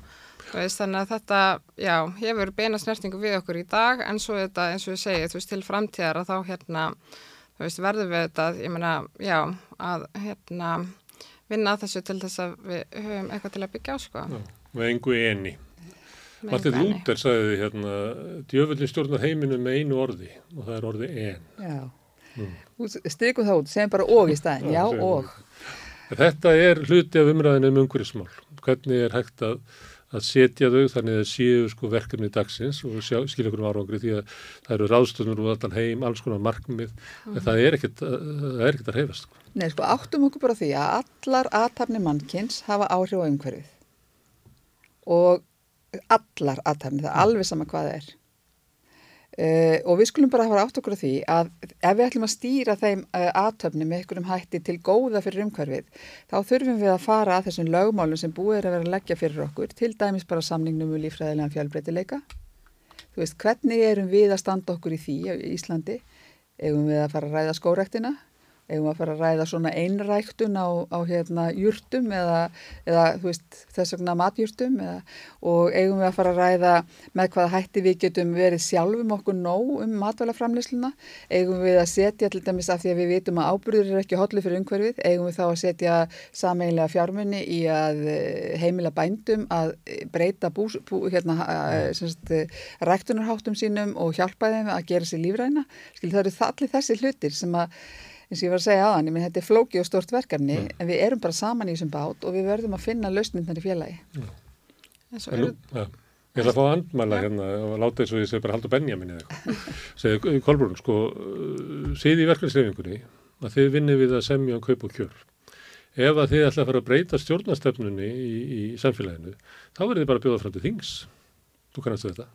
Já, já, ég kannast alveg þetta. Hver eru svörum? Ég, ég segi bara við erum með fólk á þingi Við erum bara með fólk á þingi sem er alveg sam, sammála okkur. Já. Svo komum við bara að þessum erfiðu málum þegar við erum orðin ósamála. Ég minna, eigum að fara að ræðum orkumálinn til dæmis. Mm. Þau eru hluti af þessari umræðu. Ég minna, það er rópað hér á sko að við verðum að framleiða meiri orku til þess að geta orðið sjálfum okkur nógum orku, skilji, og til þess að þessi mm. orku skipti geti átt í stað. Mm. Ég segi bara, nei, er það nú alveg rétt? Á meðan við erum að selja orku til hérna aðila sem er að grafa eftir bitcoin, skiljuru, mm. eh, erum við þá ekki bara, eh, er ekki, blæsaði ekki við, við þurfum bara að hætta að selja fólki í, þá, í, í slíkt eitthvað sem þjónar ekki umhverfinu og þjónar ekki jákvæðum lífsáttum og þá eigum við ykkur orku. Og ég minna að segjum bara, erum við að endur nýta nægilega mikið ál í heiminum, þarf ekki heimurinn að fara í, í áallunum það hvernig megi endur nýta allt ál sem framleitt er, því það hefur alveg verið framleitt nægilega mikið ál í heiminum örgulega til þess að endur nýta stór, veist, eh, að það, við þurfum ekki mm. alltaf að vera að byggja nýjar vesmiður og framlega nýskilur, mm. þannig spurja út frá þessu sjónarmiði hægri manna eh, Sostöld Vílunsson hefur líka verið fjallum að verkefliðsreyfingi sé komin í einhverju pólitíska vekkferð að, að hún ætli að fara að beita sko, verkvalsvopninu og sínu afli til þess að hafa áhrif á stjórnastöfnuna sem að, að, að sangu þeirra, þeirra hérna, ég er náttúrulega sósíld því það er ekki að taka fram að ég er ekki samræðil en ég bara vil heyra andmannin ykkar að við höfum þann vettvang hérna að við kjósum um þessar stefnur í þingostingum en síðan semjum við um kaup og kjör í, í kjærasanningum. Já, hver eru kjör? Þannig eru fyrirtækinn þau einu sem með að beita afli, þau eru þetta bara með ákveði afli sem heitir peningar og, og hérna, já þannig að... Það má ekki spurja mig sko, ég spyr eins og þeir, en ég get ekki svara eins og þeir. Nei, nei, við, minna, er, það er enga patentlausnir á þessu, en það eina sem við vitum er að við eigum ákveðna snertifleti millir hægur og vinstri, hmm. millir launafólks og atvinnulífs. Og við komumst ekkert fram hjá þeim snertiflötum mm. og þá spyrjum við, þú veist, þegar að það blasir við neyðar ástand í lofslagsmálum og það er hægt að nálgast uh, einhverja lausnir í gegnum samtalið millir uh, laun, launafólks og, og, og atvinnureikanda eigum við þá ekki að nota þau tækifæri. Okkar svar, allrar verkefælisreifingarnar er jú, við skulum bara endilega nota það tækifæri mm. og ég heyr ekkit annað heldur en natunlífi sé alveg saman okkur. Ég minna það er fullt af fyrirtækjum í landinu sem eru komið lofslastefnu, sem eru farin að halda lofslagsbókald, þannig að við þurfum líka sem launa, reyfing launafólks að vera duglega að benda þá á þau góðu dæmi sem eru sannarlega til staðar í samfélaginu. Mm. En þetta ættu hérna, stjórnmáluflokkar líka að taka meira eftir því sem verkefælisreifingarinn er að gera þeirri stefnu sem er mótuð þar af því að hérna fegurinn við verkefælisreifingarna eru þetta, þar er ekkert eitthvað að hægra eða vinstri, þetta er fólkur öllum flokkum sem kemur saman og fulltrúar þvert á alla flokka sem koma saman að móta þessa stefnu og hérna úr því verður þessi afurð. Þannig að þú veist, já, ég menna þetta er pólitík í þessu en þetta er ekkert bara vinstri hægri pólitík, þú veist, það er megin þorri almenning sem að, hérna, já, stendur á bakvið þessa stefnu, ég menna all launafólk. Mm. Þannig að hérna, já, um, það eru þetta bara hérna ótrúlega magnað að, þú veist, fólk frá svona ólíkum áttum sko, þú veist, sem að kýsa svona ólíka flokka enn á þingi getur þó kom, komið sér saman um þetta. Ja, og svo líka er bara svona líðræðslegu vettvangu verkefnsreifingarnar er öbluri og nær dýbra út í samfélagið mm -hmm. heldur en flestar stjórnmálflokka. Nefnilega. Sem að flestir með eiga muna sem fífilfægri sko sem fjöldarhefingar. Það er bara þannig. Þannig að það er svona myndi ég mæla með því fyrir stjórnmálafólki að taka upp stefnu sem hefur verið mótuð inn á verkefnslefingarnar mm. og taka hann upp að gera sínu í staði verið að kalla til auðlýsingarstofu og PR-áðgjafa til þess að búa til nýja stefnu. En veistu, sko, við skulum alls horfa, horfa á sko, stjórnasáttmálan. Ég minna, við erum með stjórn, stjórn sem núna er að reyna að brúa einhvern veginn, þú veist, bílið á milli hægur og vinstri og það er búið að skrifa stefnu sem segir við ætlum að draga úr losun gróðursaloftegund í landinu um 55% fyrir 2030 og við ætlum að vera hlutlaust land 2040. Þannig að þessi ríkistjórn, jáfnveil þessi ríkistjórn er þó búin að segja þetta og ef að þau meina það sem þau segja, sem við skulum bara gefa þeim hérna, þá verða þau að fara í þessar aðgerðir og þá eru þau líka bara ofsalega heppin að vera með svona flotta hérna reyfingu launafólks sem er búin að benda þeim á tiltekna lausni sem er hægt að fara í strax. Ég veit að þið ekki vendum allavega hlutaríkistjórnarinnar. En eh, almenningur er stóru leiti að missa trú á henni. Já, Meðal annars að því að það er svo mikla ráðagerðir. En þú áttar það... að því að ég er búin að skipta algjörnum vettan fyrir löngu, löngu síðan. Það er mjög langt síðan ég var á þingi, skilur. Þannig að ég er komin í aðra pólitík. Ég er komin í pólitík verkefnisins. Meðal annars út af að það standa ekki sko ráðagerðir, til dæmis í húsnæðismálum og svona. Þannig að, að Ríkistóndi stendur mjög vekt með allar þessar ráðagerðir sínar. Það er bara þannig. Það, við erum náttúrulega líka heildarsamtökin held erum með umsagnir um fjárlegin fjárlegafrjónvarpi sem leikur fyrir núna og Já. það er þetta er að stúdira þær og sjá alveg hvern, hvað við erum að leggja til í þeim umsögnum. Já. Þar erum við meira sér að koma inn á þessi réttlætismál sem var það umhverfi. En það eru þetta hérna munurinn á því hérna hvernig þessi ríkistjórn funkar og þó hún sé sko návalega frá lengstil vinstri og yfir í lengstil hægri sko munurinn á því og hvernig verkalsefingin kemur sér saman um máli eru þetta að við erum með svo mikið ráðherra ræði, þú veist þannig að það er einn ráðherra sem bara framkomir stefnu sjálfstæðsflokksins og annars sem framkomir stefnu Vafki mm. og svo þetta framsöndana ekki þar í miðið mm. uh, en ég minna verkefliðsrefingin kemur sér saman um hvert einasta mál, þú veist, ríkistjórnin er ekki þú veist, þetta er ekki býtti hérna, eða hvað ég segja, svona skipti. Þú veist, þú fær þetta og ég fær þetta. Heldur þarf verkefliðsrefingin að koma sér saman um allt í stefnunni og gerir það. Þú veist, það er náttúrulega munurinn. Þú veist, mm. þannig að við erum að sjá þrjár mismyndu stefnur hjá, hjá þessu flokkum en ekki samsuðu úr þeim, mm. þú veist Herru, við getum talað um það hvernig verkefnisreifingin ætlar að mæta þessar ríkistjón sem stendur mjög skringilega, er erfitt að átta sig á, sko, hvað þú sé saman eða sundur eða, og, og hvernig hún fungerar. Við getum talað um það, því að það er, það er náttúrulega, maður veit ekki hvort að það sé gott fyrir verkefnisreifinguna eða vond fyrir verkefnisreifinguna eða ríkistjónin er, er veik eða, eða sundurlaus eða...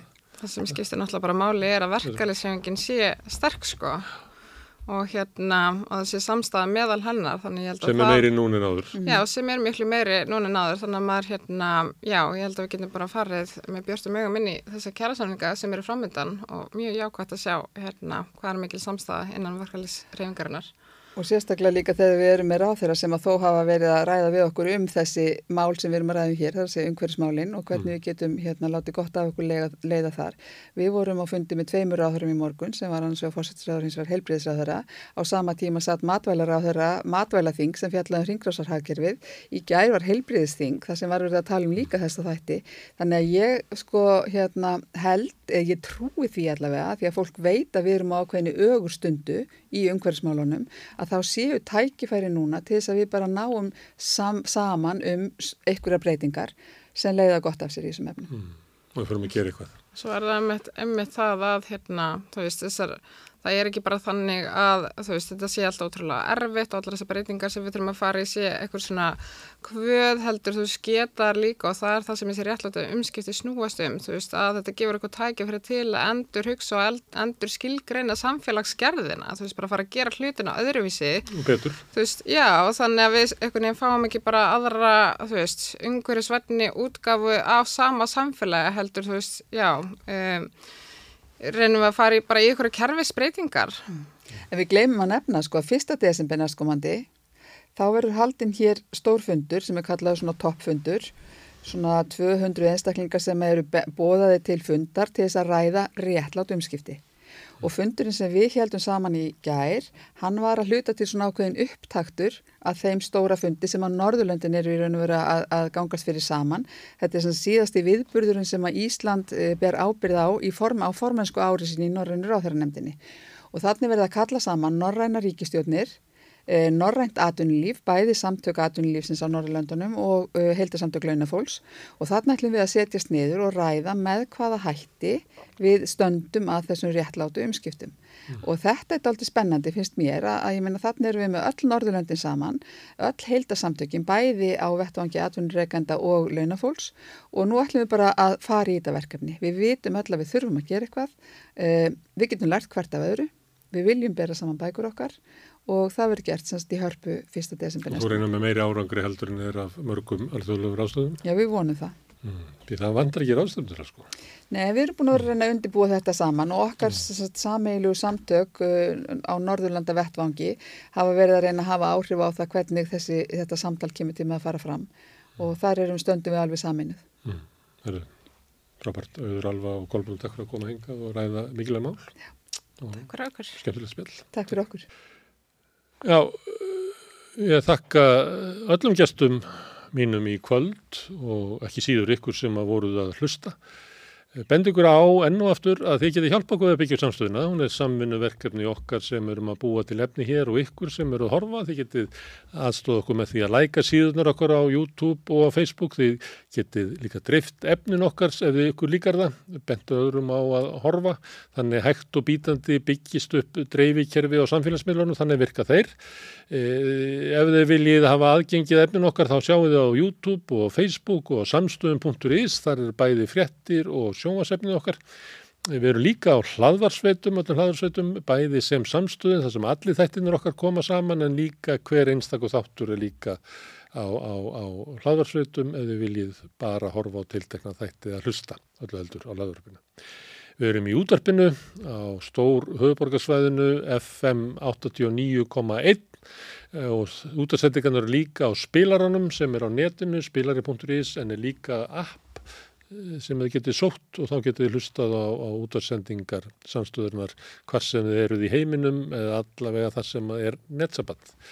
Eh, markmið okkar er að, að hefja sjónvarsútsendingar setna í mánuðinum, að við dasgráðum okkar verði í fjárstýringunni á sjónvarpinu okkar Eh, við höfum verið með verkefni um að sapna ásköfundum til þess að ráða við það og við erum eiginlega búin að ná því þannig að ég held að það sé fátt sem kemur í vekk fyrir að við förum í sjónvarpið. En ef þið viljið styðja okkur fjárhastlega uh, með því að gerast ásköfundur þá kostar bara 2000 krónur á mánuði að leggja til dasgráðurinnar hér á samstöðinni þetta er þykir lítið, ég held að kosti meiri 9000 krónur að vera ásköfundu af morgunblæðinu til þess að gera þetta áskrifandi þá farið inn á samstöðun.is það er hnappur sem ástendur áskrift þá getið skráðu ykkur fyrir áskriftinni 2000 krónum eða meira eða viljið. En, og þeir sem að kjósa geta látið áskriftina að renna sem félagskjöldin í alltíðufélagið og það er alltíðufélagið sem á samstöðuna og þannig er samstöðun í eigu áhorfenda, áheyrenda og lesenda. e, líðræðislegt sjónvarp, e, samfunnu félag almennings. Hvet ykkur til þess að skoða þetta. En þakka fyrir í kvöld og minni á að rauðaborðið verður hér á morgun klukkan 8. Góða nótt. Hvernig getur við réttlætt að um 63% eblingarkvenna eigi erfitt með að ná endum saman? Ebling stjættarfélag. Baróta fyrir betra lífi. Segðu það á samstöðinni.